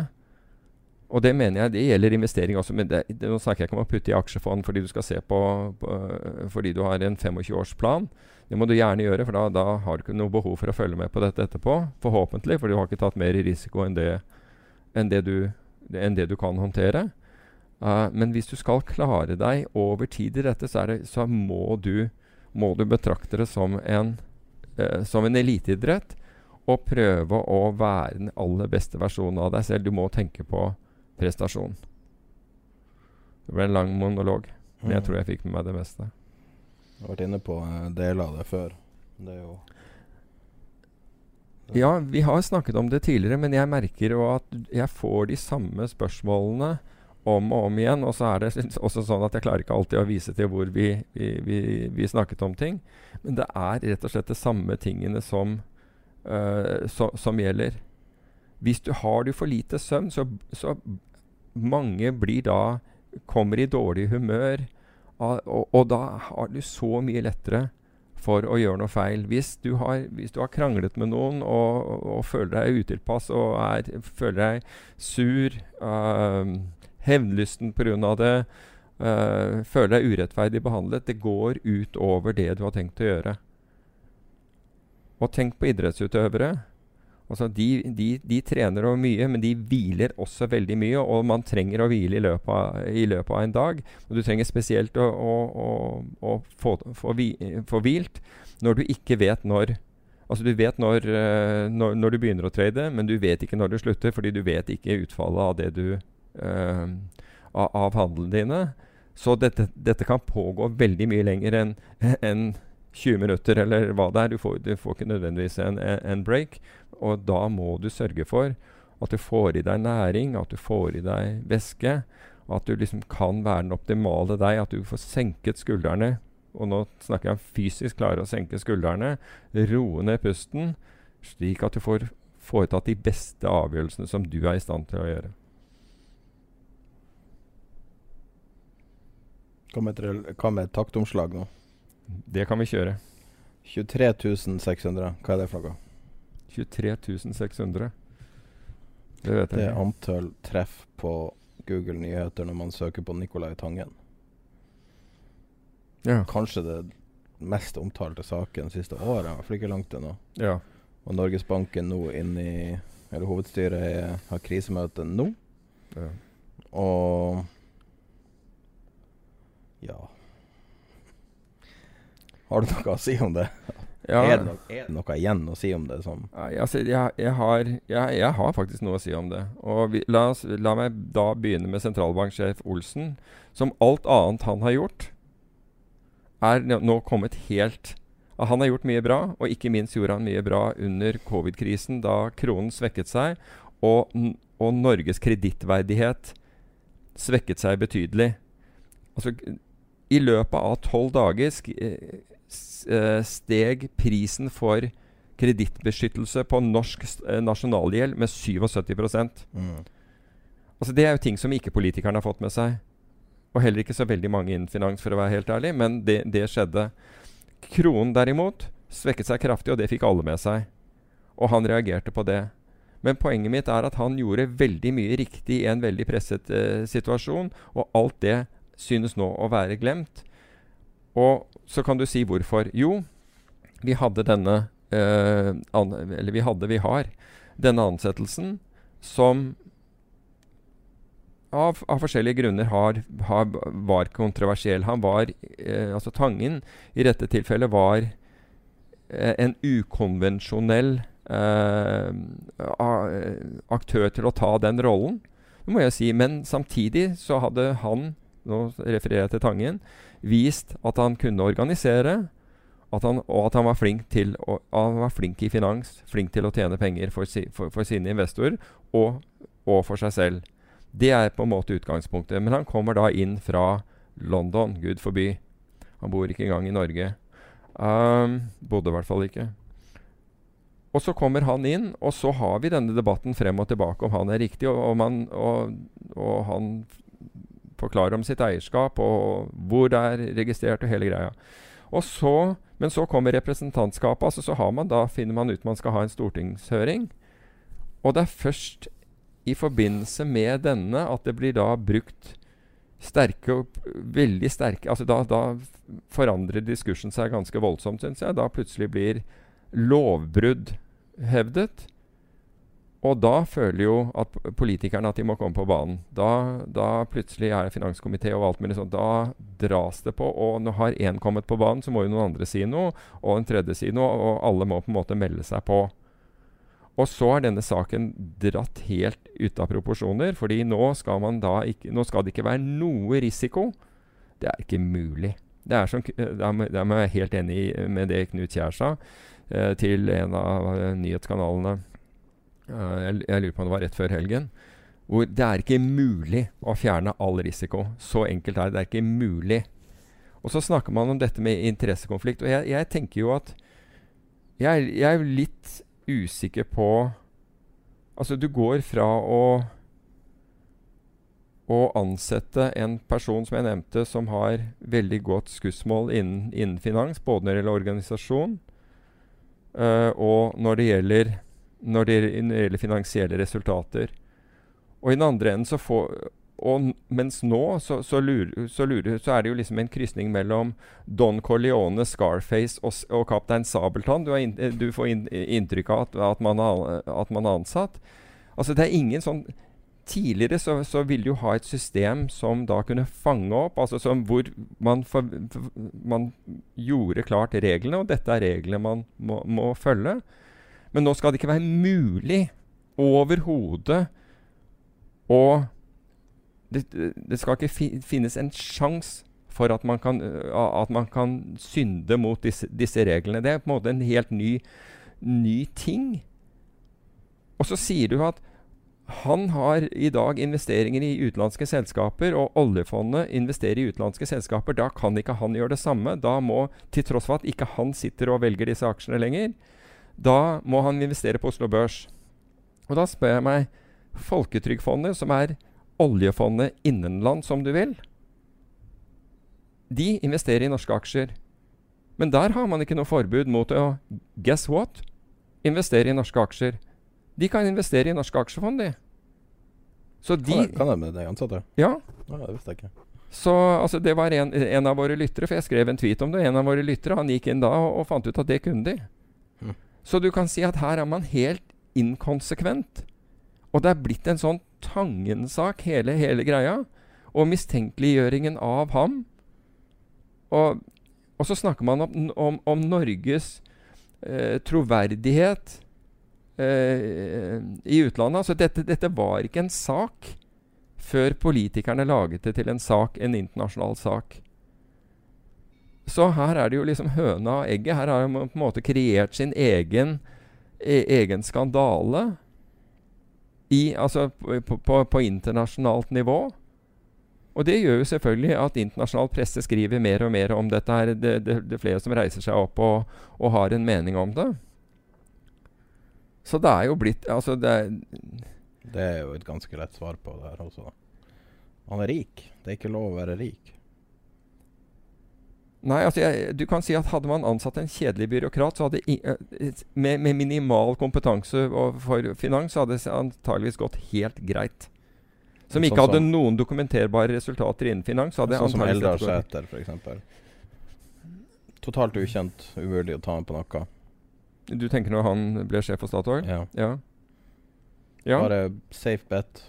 Ja, altså et, et, et, et safe bet. Og det fantes, det fantes safe bet eh, å, å, å ta i dette her også. Og som kundefinans, bare så det er sagt. Og som kundefinans. Men man valgte da annerledes. Og så du, du skulle jo tro at det var han som satt og bestemte og kunne, kunne, kunne plukke ut hvilket selskap som helst. Altså, dette er jo et indeksfond, for crying out loud. Ja, ja. Det er jo litt sånn usikker på nøyaktig hva han gjør, for å være helt ærlig. Altså, det er jo en rolle med ganske begrenset mandat. Mens du hadde da Yngve Slyngstad, som kunne dette fra, fra Og som jeg virkelig syns har vært en, en, en formidabel, bra eh, sjef for, eh, for oljefondet. Han kom opp gjennom oljefondet. Han kom jo tidligere fra, fra Storbrann. Eh, samme som Knut Kjær for øvrig. Men, men, men kunne finans og hadde vært i oljefondet en god periode og, og hadde hatt ansvar for aksjer der, så han hadde god bakgrunn for det. Og, og du kan si at så han kom med liksom helt med en akseptabel pedigree. Og det hadde ikke vært Altså Det at man gikk, gikk ut, var, var antageligvis for å prøve å bedre dette enda mer. Så for seg dette. Yngve Slyngstad kjente Tangen, så han, har helt sikkert, han må helt sikkert ha gått god for ham i, i dette her. Så, øh, så jeg tror jo Men altså, det er blitt en Det er ute av proporsjoner, det fullstendig hva man skal si, liksom. Og- ja. Det er en helt feilprisa Helt feilprisa diskusjon. Ja, og når de snakker om, om omdømmerisikoen, så har de jo laget omdømmeproblemet selv.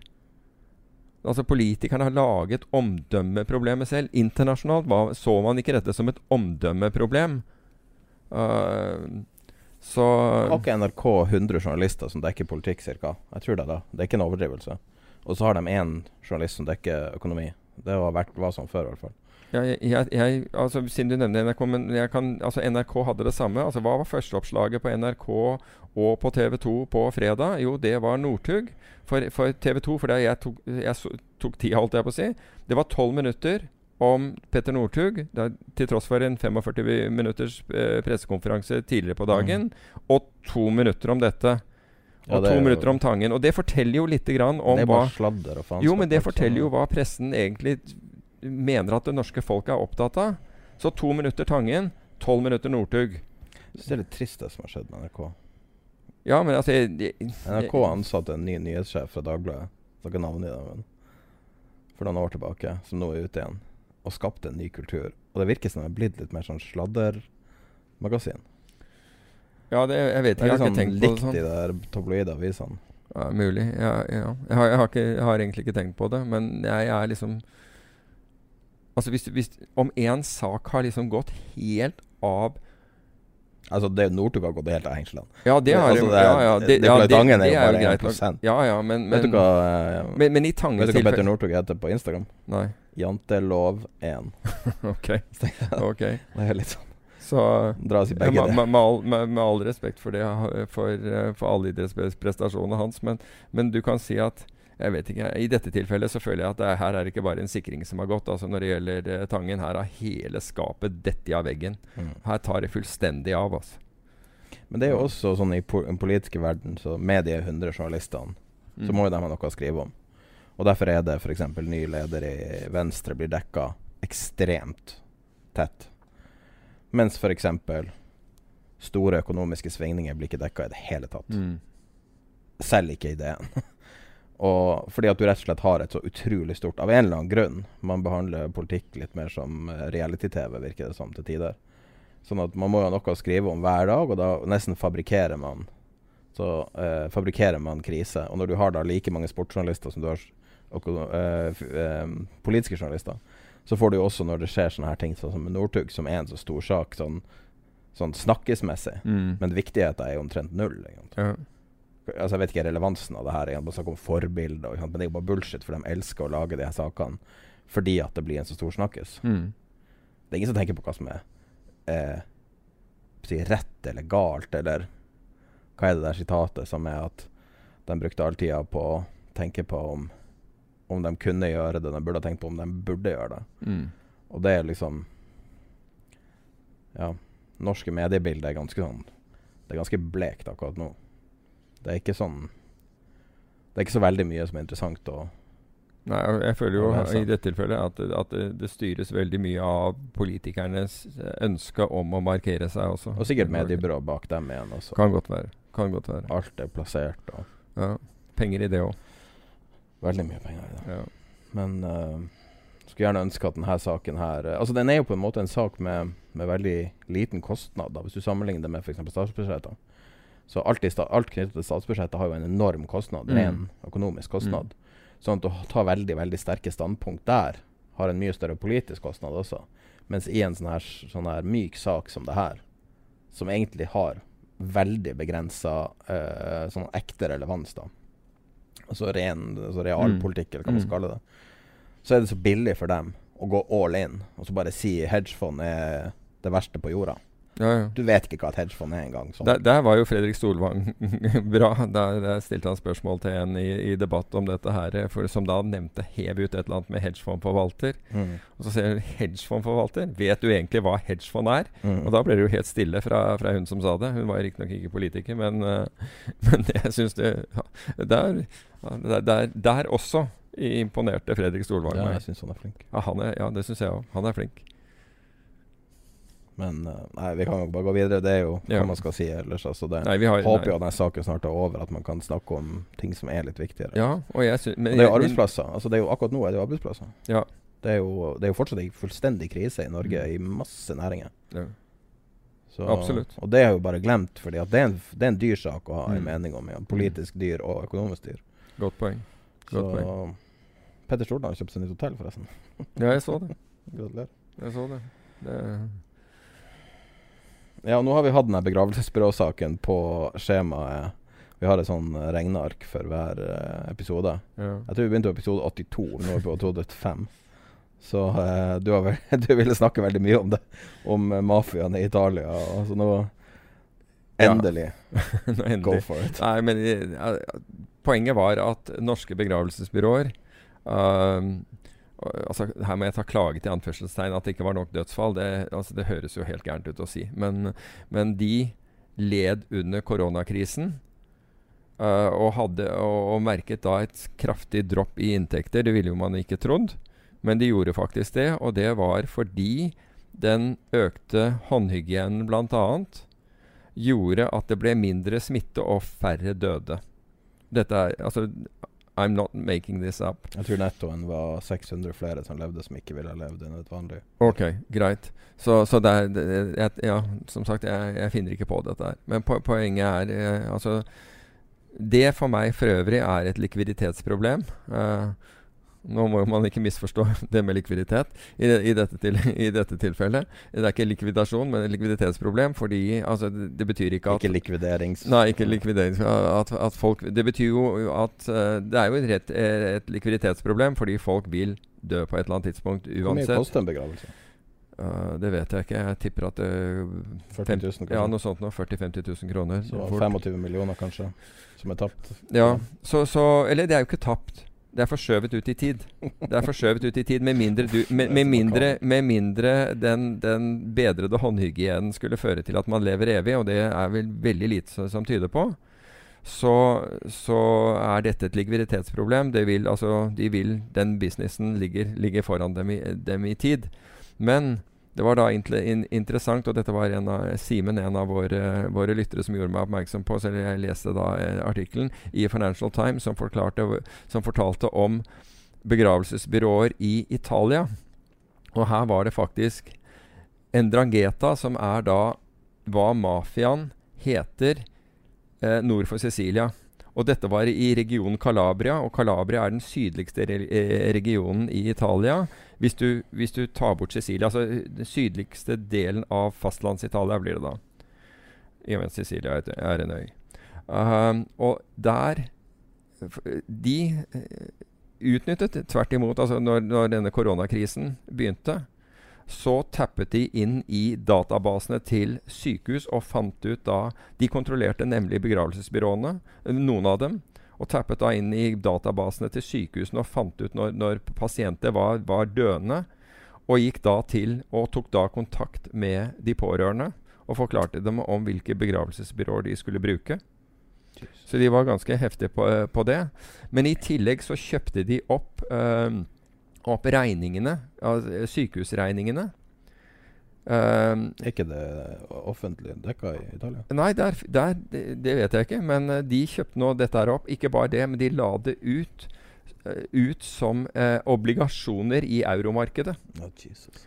Så med finansiering, med, med hjelp fra, fra, fra investeringsbanker, bl.a. i London så ble Hvem er det som underwriter uh, Det var de, ja, men I dette tilfellet så var det jo investeringsbanker som underwriter Altså, hva heter det på norsk? Garanterte for, altså, for, uh, for, disse, for emisjonene i disse lånene.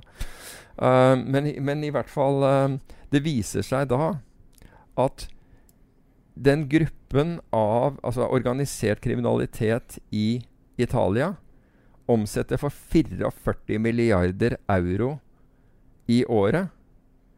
Og det er mer enn samtlige meksikanske narkotikakartell.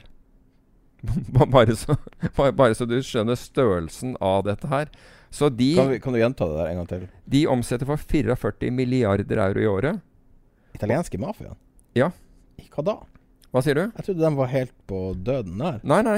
Ja, døden nær. Det er ganske bra når vi snakker om akkurat dette, men, eh, men Jeg var helt sikker på at mafiaen var helt avskrevet. Nei, nei, overhodet ikke. Sopranos har lurt meg, altså. Sopranos har fullstendig lurt deg. Det, men det tilsvarer Altså, de omsetter da for mer enn samtlige meksikanske narkotikakartell. Så Men hva er det de, hva er det de dealer? Alt. Altså her, de, altså det er da her, her, skal jeg være forsiktig. Jeg har ikke lyst til å ha en lang kar på, med Lupara ringende på døren en, en, en sent en kveld.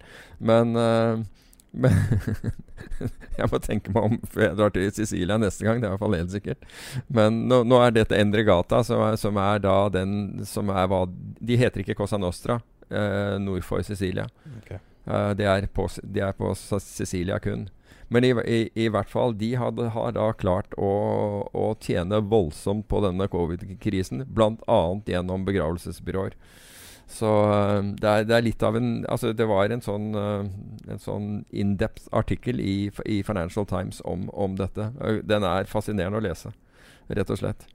Så det var noen som klarte å gjøre Alle satt eh, ikke som i Norge og, og sa at uh, dette her var en krise for oss. Vi, det dør for lite mennesker. 44 milliarder. 44 milliarder euro. Det er uh, Jeg husker jeg hørte intervju en gang med han som starta å selge crack i USA, tror jeg det var. Han der eh, Hva heter han? Um, Rick Ross. Uh, satt inne i 10-15 år. Og han som start, eller starta med kokain eller et eller annet. OK. Var en relativt vanlig kar, og så havna han oppi der. Og han fortalte bl.a. hvor mye han hadde i margin. Og da hadde han en skatt i praksis.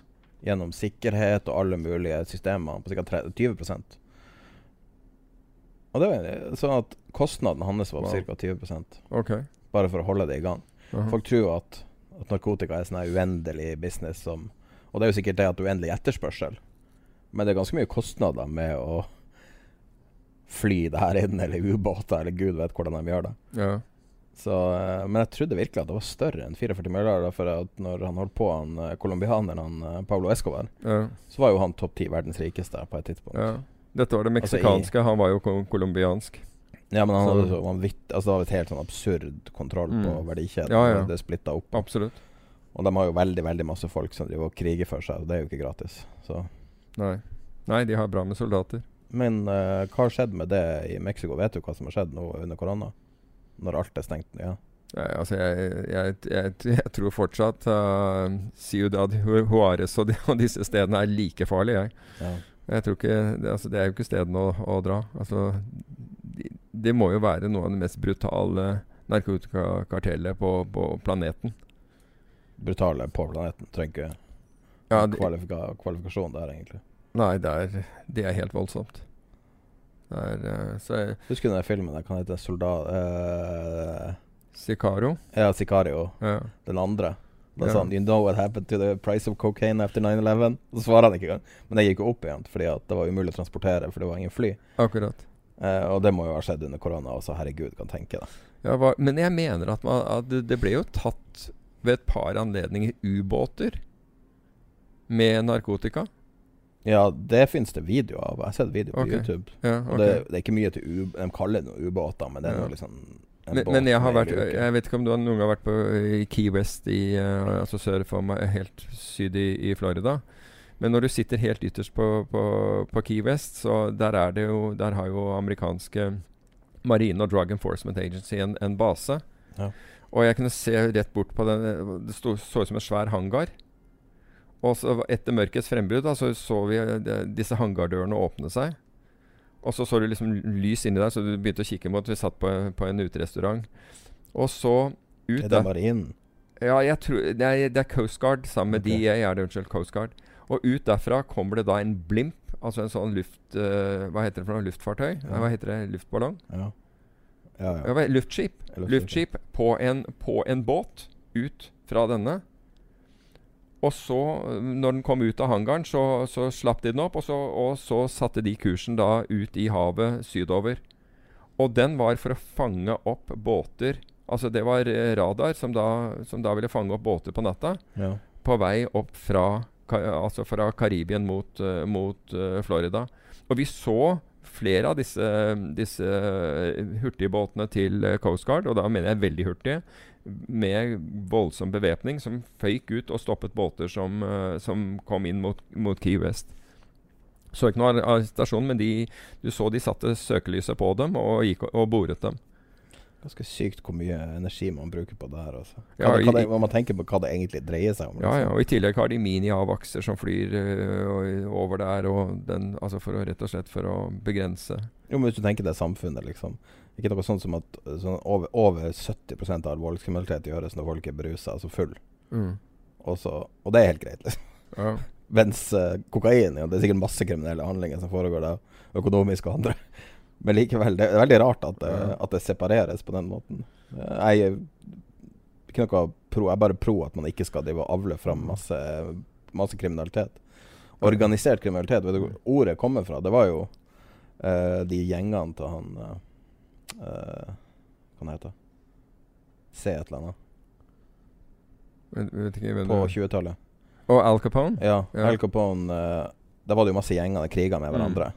Og han satte i system sånn at hvis de slutter bare å krige med hverandre, så tjener alle mer penger. Mm. Der har vært organisert kriminalitet. De har organisert seg sammen. Det har aldri falt meg inn. Liksom. Og, eh, og det var jo Den første mafiaen var jo pga. Uh, forbudstida. Så Ja. alt Mm. Tenk deg hvor mye mindre kriminalitet man hadde hatt. Herregud, altså. Jeg skal for øvrig nevne en annen fun fact i forbindelse med, med Florida og, og drugs. Vi kjørte nedover skulder til, eh, til Key West og kom fra fallskjermhopping lenger oppe i Florida. Og ble stående, for det var en ulykke på veien. Og mens vi sitter her, så kikker vi ut av, opp fra bilvinduet, og der henger det noen fallskjermer. Så vi kjører da inn for å se hvor, hvilken retning de fallskjermene eh, er på vei. Og det er noe som heter Sugarloaf Key. Og den er, jeg vet ikke, den er kanskje tre kvarter eller noe sånt nå fra, fra Key West. Kanskje, kanskje mindre. Men i hvert fall eh, så vi spurte om vi kunne få, få, få sette oss på løftet og hoppe.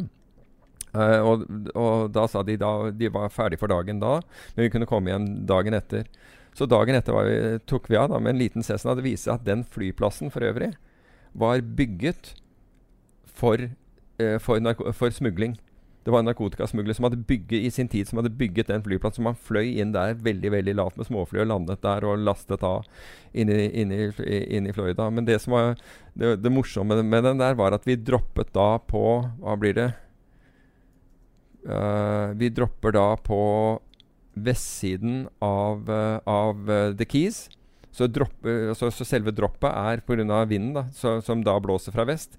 Så hopper vi ut over, over havet på vestsiden av The Keys, og flyr da over, over The Keys og lander på den andre siden. Så du fløy fra hav til hav. Det er to, to forskjellige hav, for da er du i Mexicogolfen når du kommer over, over på den andre siden. Uh, og landet der. Så, eh, så på en flyplass som var da opprinnelig bygget for, for det. Og nå driver de eh, og hopper tandem der, så hvis det er noen som vil eh, ha et tandemhopp over Florida Keys, så er Sugarloaf Key det du skal se etter. Jeg kom til å tenke på noe når, vi, når du nevnte det med ubåter. Noe jeg har lyst til å spørre deg om. Du som er brite og har veldig stolt historie knytta til uh, Bletchley Park og, og uh, Jeg har aldri nevnt Bletchley Park i noen Nei, men alle briter Ja. har jo det i, i ryggmargen. Mm. Og uh, Enigma-hackinga. Mm. Ja. si. Cracking av Enigma.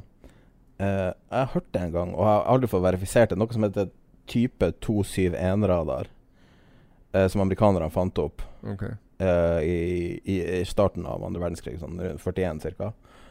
Som angivelig er hovedårsaken til at de klarte å bombe de her eh, ubåtene i Atlanteren. Altså de her um, uh, Wolf, uh, Wolfpackerne. Og så har man liksom sagt at nei, alt Det var bare den her, uh, den her Enigma-maskinen. Enigma. Men at det egentlig var radar som var bak det. På samme måte som at i andre verdenskrig så var det radio som var grunnen til Mm. at, de, at tyskerne klarte blitskrig. Ingen andre hadde mobile radioer. Mm. Og Derfor kunne de organisere. Så fikk alle mobile radioer, funka ikke blitskrig lenger. Og, og man hadde også radar i, i flyene. Briter hadde radar i flyene, og derfor kunne fly så bra på natta. Mhm. Men jeg synes det er så artig med sånne myter som blir sånne evige sannheter. Ja, nei, jeg, jeg kjenner ikke til det, men du mener at det er en radar som er sterk nok til å Til å gå gjennom altså under overflata på havet. Og under overflaten? Nei, det, det var, nei altså det, det har jo aldri vært brukt. Men jeg sier ikke at det er tilfellet. Jeg sier at jeg har hørt det, så jeg vil gjerne teste det. Nei, jeg, jeg, jeg på tviler på det. Hvis du ser teknologien i dag, så, så dropper man jo fra fly, riktignok, eh, sonarbøyer rundt omkring i havområdene, ikke sant? At, og så, og så flyr, flyr man høyt over disse her, men lytter da til pingingen fra, fra disse, disse bøyene, fordi da vil da pinge eh, eh, metallgjenstander under vann, ikke sant? I hvert fall som beveger seg.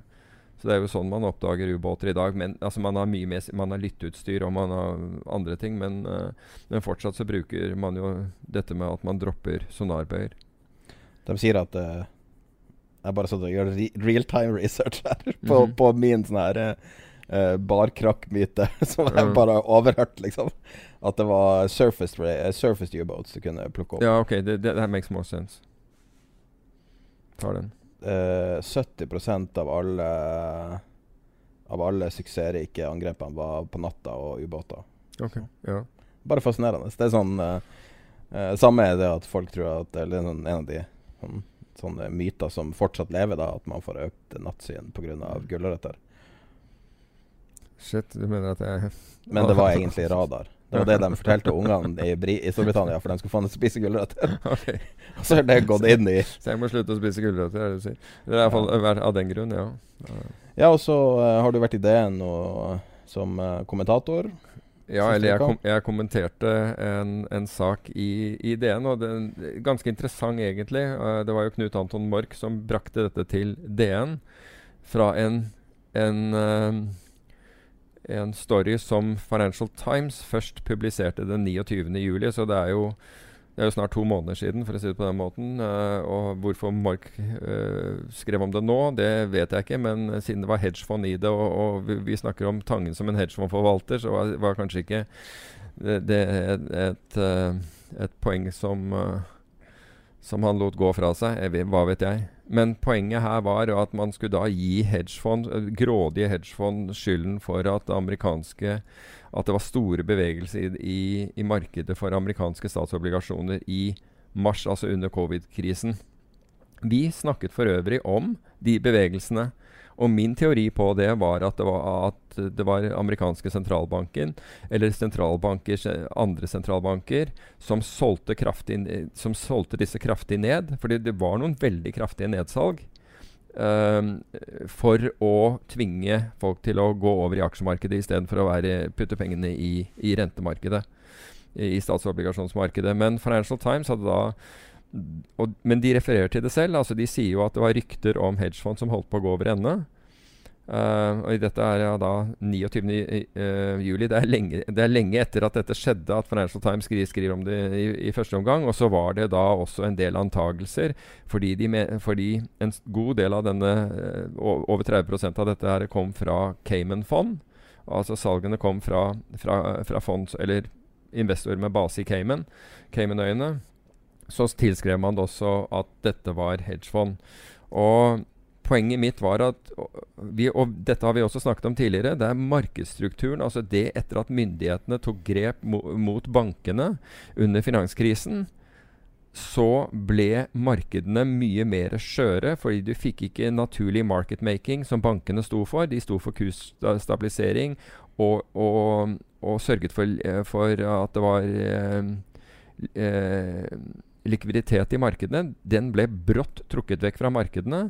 Og følgene av det var bl.a. flash crash i, i 2010, sveitserfrangen som gikk berserk i, i 2015, eh, pundet som falt bare 6% en natt. Eh, nå husker jeg ikke hvilket år det var, men du har hatt enorme sånne plutselige spike og bevegelser. Og det var fordi markedet ble etterlatt uten noe struktur. Og, i, og institusjonelle investorer og mange andre advarte myndighetene mot dette og spurte altså skal, om overgangsordninger, hvordan man skulle da forholde seg. Og myndighetene lot, dette, eh, lot markedene ta seg av dette fullstendig. Og dette, dette så egentlig både Financial Times og Knut Anton Mork helt bort ifra at du har fått et mye skjørere system. Og hva var det som erstattet det bankene-systemet? Det, jo, det var elektronisk market making, eh, som ble da foretatt av high frequency-tradere og enkelte hedgefond som også, også drev med det. Men felles for begge er at de har ikke den risikokapasiteten som banker eh, som, som bankene hadde, og dermed kunne ikke bli sittende på det. Så det var jo liksom snakk om å kvitte seg med risikoen så fort som mulig. Først i løpet av sekunder, så, så i løpet av eh, Så gikk det ned til mikrosekunder, og nå begynner man faktisk å snakke om nanosekunder når det gjelder dette her også. Bare bli kvitt det lynfort. Og det vil si at den risikoen jeg får, du gir meg, sender jeg til noen andre umiddelbart. Og da blir det altså, da, hvem er det, altså da, da, da kaster vi det glødende, glødende kullet fra hånd til hånd ikke sant, rundt, og det blir ikke stabilitet av det. Ehm, så reagerte da Robin Wigglesworth, som, eh, som eh, hadde skrevet artikkelen i Financial Times, og syntes at, eh, at Jeg tror han ble litt fornærmet over at jeg, at jeg kritiserte dem også. Og det er greit nok. Og så sier han at jeg hadde ikke tatt hensyn til basis trading og den type ting. Og basistrading, det vil si at du kjøper fysiske statsobligasjoner og selger future-kontraktene på de Mm. Eh, med en gevinst. når, når, du mener at dette her og, og, og, at man belånte dette. Og det var egentlig det samme. Det var ikke så mye dette long term uh, capital gjorde. Uh, capital Management, som var verdens største hedgefond, som imploderte i 1998. Men uh, de, de, kjøpte off the run ja, Nå skal vi ikke bli for tekniske, men de kjøpte statsobligasjoner med forskjellige med, med, forskjellig løpetid hvor løpetiden kunne kanskje være ett år fra hverandre, eller et eller annet sånt, når, på, på, på, prisdifferanse mellom dem. Um, og det er klart at det er helt riktig at, uh, av Financial Times at det foregikk mye basis, uh, den type basis trading i markedet. Men det grunnleggende problemet tatt i betraktning av at du får belåne posisjoner mye mindre nå enn det du gjorde f.eks. i 2008 i finanskrisen generelt, fordi myndighetene har, har uh, satt større begrensning for det er at markedsstrukturen ikke klarer å, å, å håndtere det. Altså det, det i, eh, Under covid-krisen så ble det mange selgere. Store fond, store obligasjonsfond fikk innløsning, for folk trengte penger. Så de innløste fondene, og fondene måtte selge. Og når mange selger, og det er få kjøpere, så blir det ubalanse i markedene. Mm. Og dette er en dette er en ventet ubalanse ved, ved, en hvilken som helst krise. Vi så det jo voldsomt i aksjemarkedet. Jeg husker Jeg tror jeg, jeg uh, filmet det. Jeg filmet uh, orderflowen. Ja. Uh, det ligger på chatten et eller annet ja, ja, det ligger på Facebook-gruppen, tror jeg. Hvor du ser hvor vanvittig det fluktuerer. Uh, kursene fluktuerer der. Så det er ikke rart at dette sprer seg til statsobligasjoner. Og det er ikke hedgefondsfeil, det er markedsstrukturen. Uh, det er jo også viktig å ha i bakhodet at uh, Robin Wigglesworth, som på tross av det mest britiske navnet på jorda, er faktisk norsk. og at han, han, er jo en journalist som er ute etter en narrative, og har bestemt seg for hva narrativen er. Og du er en person i markedet som tenker på markeds, markedet som narrativ. Det samme er liksom, på en måte historien ikke så viktig. Mens for dem, for, for FT, så er jo historien alt. Mm. Og de skal forklare alt. og men de vet jo ikke svaret. Altså, det er jo ingen som vet svaret. Så det er jo veldig sånn Det er jo en veldig klassisk problemstilling, det her at man begynner å krangle om hva var det egentlig som skjedde. Og da er det alltid å gå tilbake til hedgefond er jo den klassiske. Ja. Fordi alle vet at hedgefond er big bad guys. Jeg vet ikke når det starta. Det begynte vel så smått med LTCM, og så når man fikk høre om lønna til George Soros og den traden til George Soros, og, eh, altså mot pundet. Mm. det, det, har bygd seg opp over 20 år.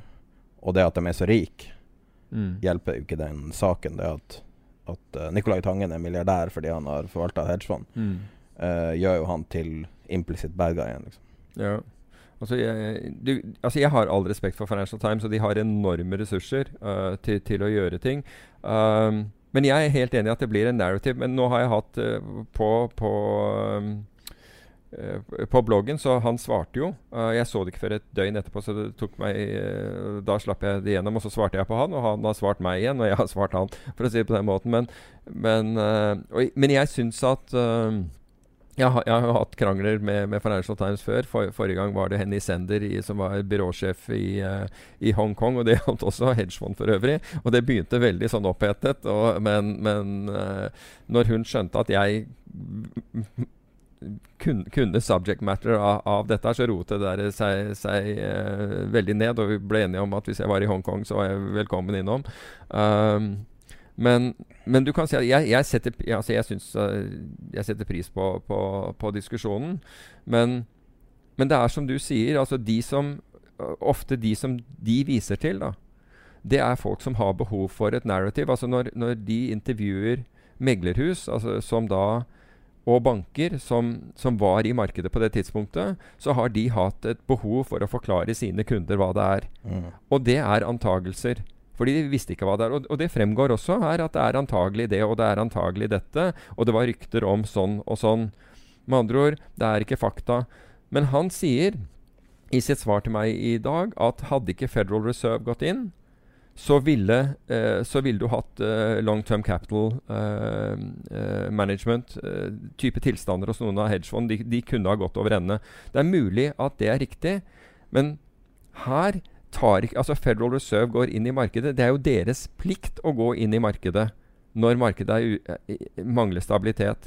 Og når Federal Reserve går inn og kjøper egne statsobligasjoner, eller selger egne statsobligasjoner, eller kjøper statsobligasjon futures eller selger dem, så tar ikke de risiko. Med mindre, altså, med mindre risikoen er at amerikanske stat er i ferd med å gå insolvent, så tar faktisk ikke sentralbanken risiko. Den skal være der for, for den type handling. Det er markedspleie gjort av, av uh, sentralbanken.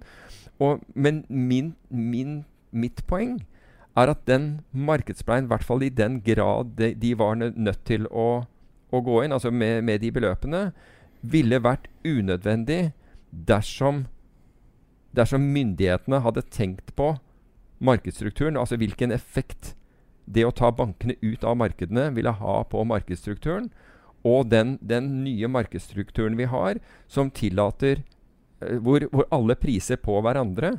Altså, vi, vi, har snakket om det i valutamarkedet. Det er fem banker som er marketmaker i valutamarkedet. De andre skyggepriser disse bankene. Mm. De bare legger De bruker deres priser til grunn og legger kjøperen litt lavere og selgeren litt høyere enn disse bankene. Det er det, det reelle. Og når, hvis tre av de bankene trekker prisene sine, så forsvinner jo hele likviditeten i valutamarkedet. For de, de, to igjen, det kan jeg love deg, de vil da se at de andre tre har trukket seg. Så trekker de seg. Da er det ingen priser i, i, i markedet. Akkurat som vi så i, med sveitserfranc. Da fantes det ikke priser. Og det at vi har en sånn struktur, det gjør systemet ekstremt skjørt. Og det er noe som vi ikke tenker på når sola skinner og kursene glir oppover pent og rolig og alle blir rikere. Så er det ingen som tenker på at den dagen uh, den, den, dagen vi vil ut, og hvis vi vil ut samtidig, så fins det ikke et apparat å ta imot. Og det er poenget her. That's it, and that's that. Og det er for øvrig ikke Wigglesworth uenig i. For å avslutte episoden, så en liten fun fact fra markedet nå. Intradag Tesla high to low tilsvarer nesten nøyaktig deres 52 week low. En gang til intradag-differansen mellom high-low. Å oh, ja. Noe sånt. Ja, som er litt over 200 dollar. In, har de intradag-svingning i dag? Ja. På 200 dollar? Ja. ja. Og det er 211 dollar og 52 uker low. Wow. Det er ikke så veldig ofte du ser en tenbagger på 52 uker-tallene. Eh, Nei, det er jeg enig i. Det er voldsomt. Men da ses vi igjen eh, mandag om to uker. Mulig vi har noe nytt å komme med. Sitte og planlegge det litt eh, berikelse til universet. Og så eh, be han om å joine Facebook-gruppa. Søke på Tid er penger. Finner du det på Facebook. Der finner du også link til uh, Discord. Det finnes også link til begge to i beskrivelsen av denne episoden. Ses neste gang. Ha det bra. Planning for your next trip? Elevate your travel style with Quince. Quince has all the jet setting essentials you'll want for your next getaway, like European linen, premium luggage options, buttery soft Italian leather bags, and so much more. And is all priced at 50 to 80% less than similar brands. Plus, Quince only works with factories that use safe and ethical manufacturing practices. Pack your bags with high-quality essentials you'll be wearing for vacations to come with Quince. Go to quince.com/pack for free shipping and 365-day returns.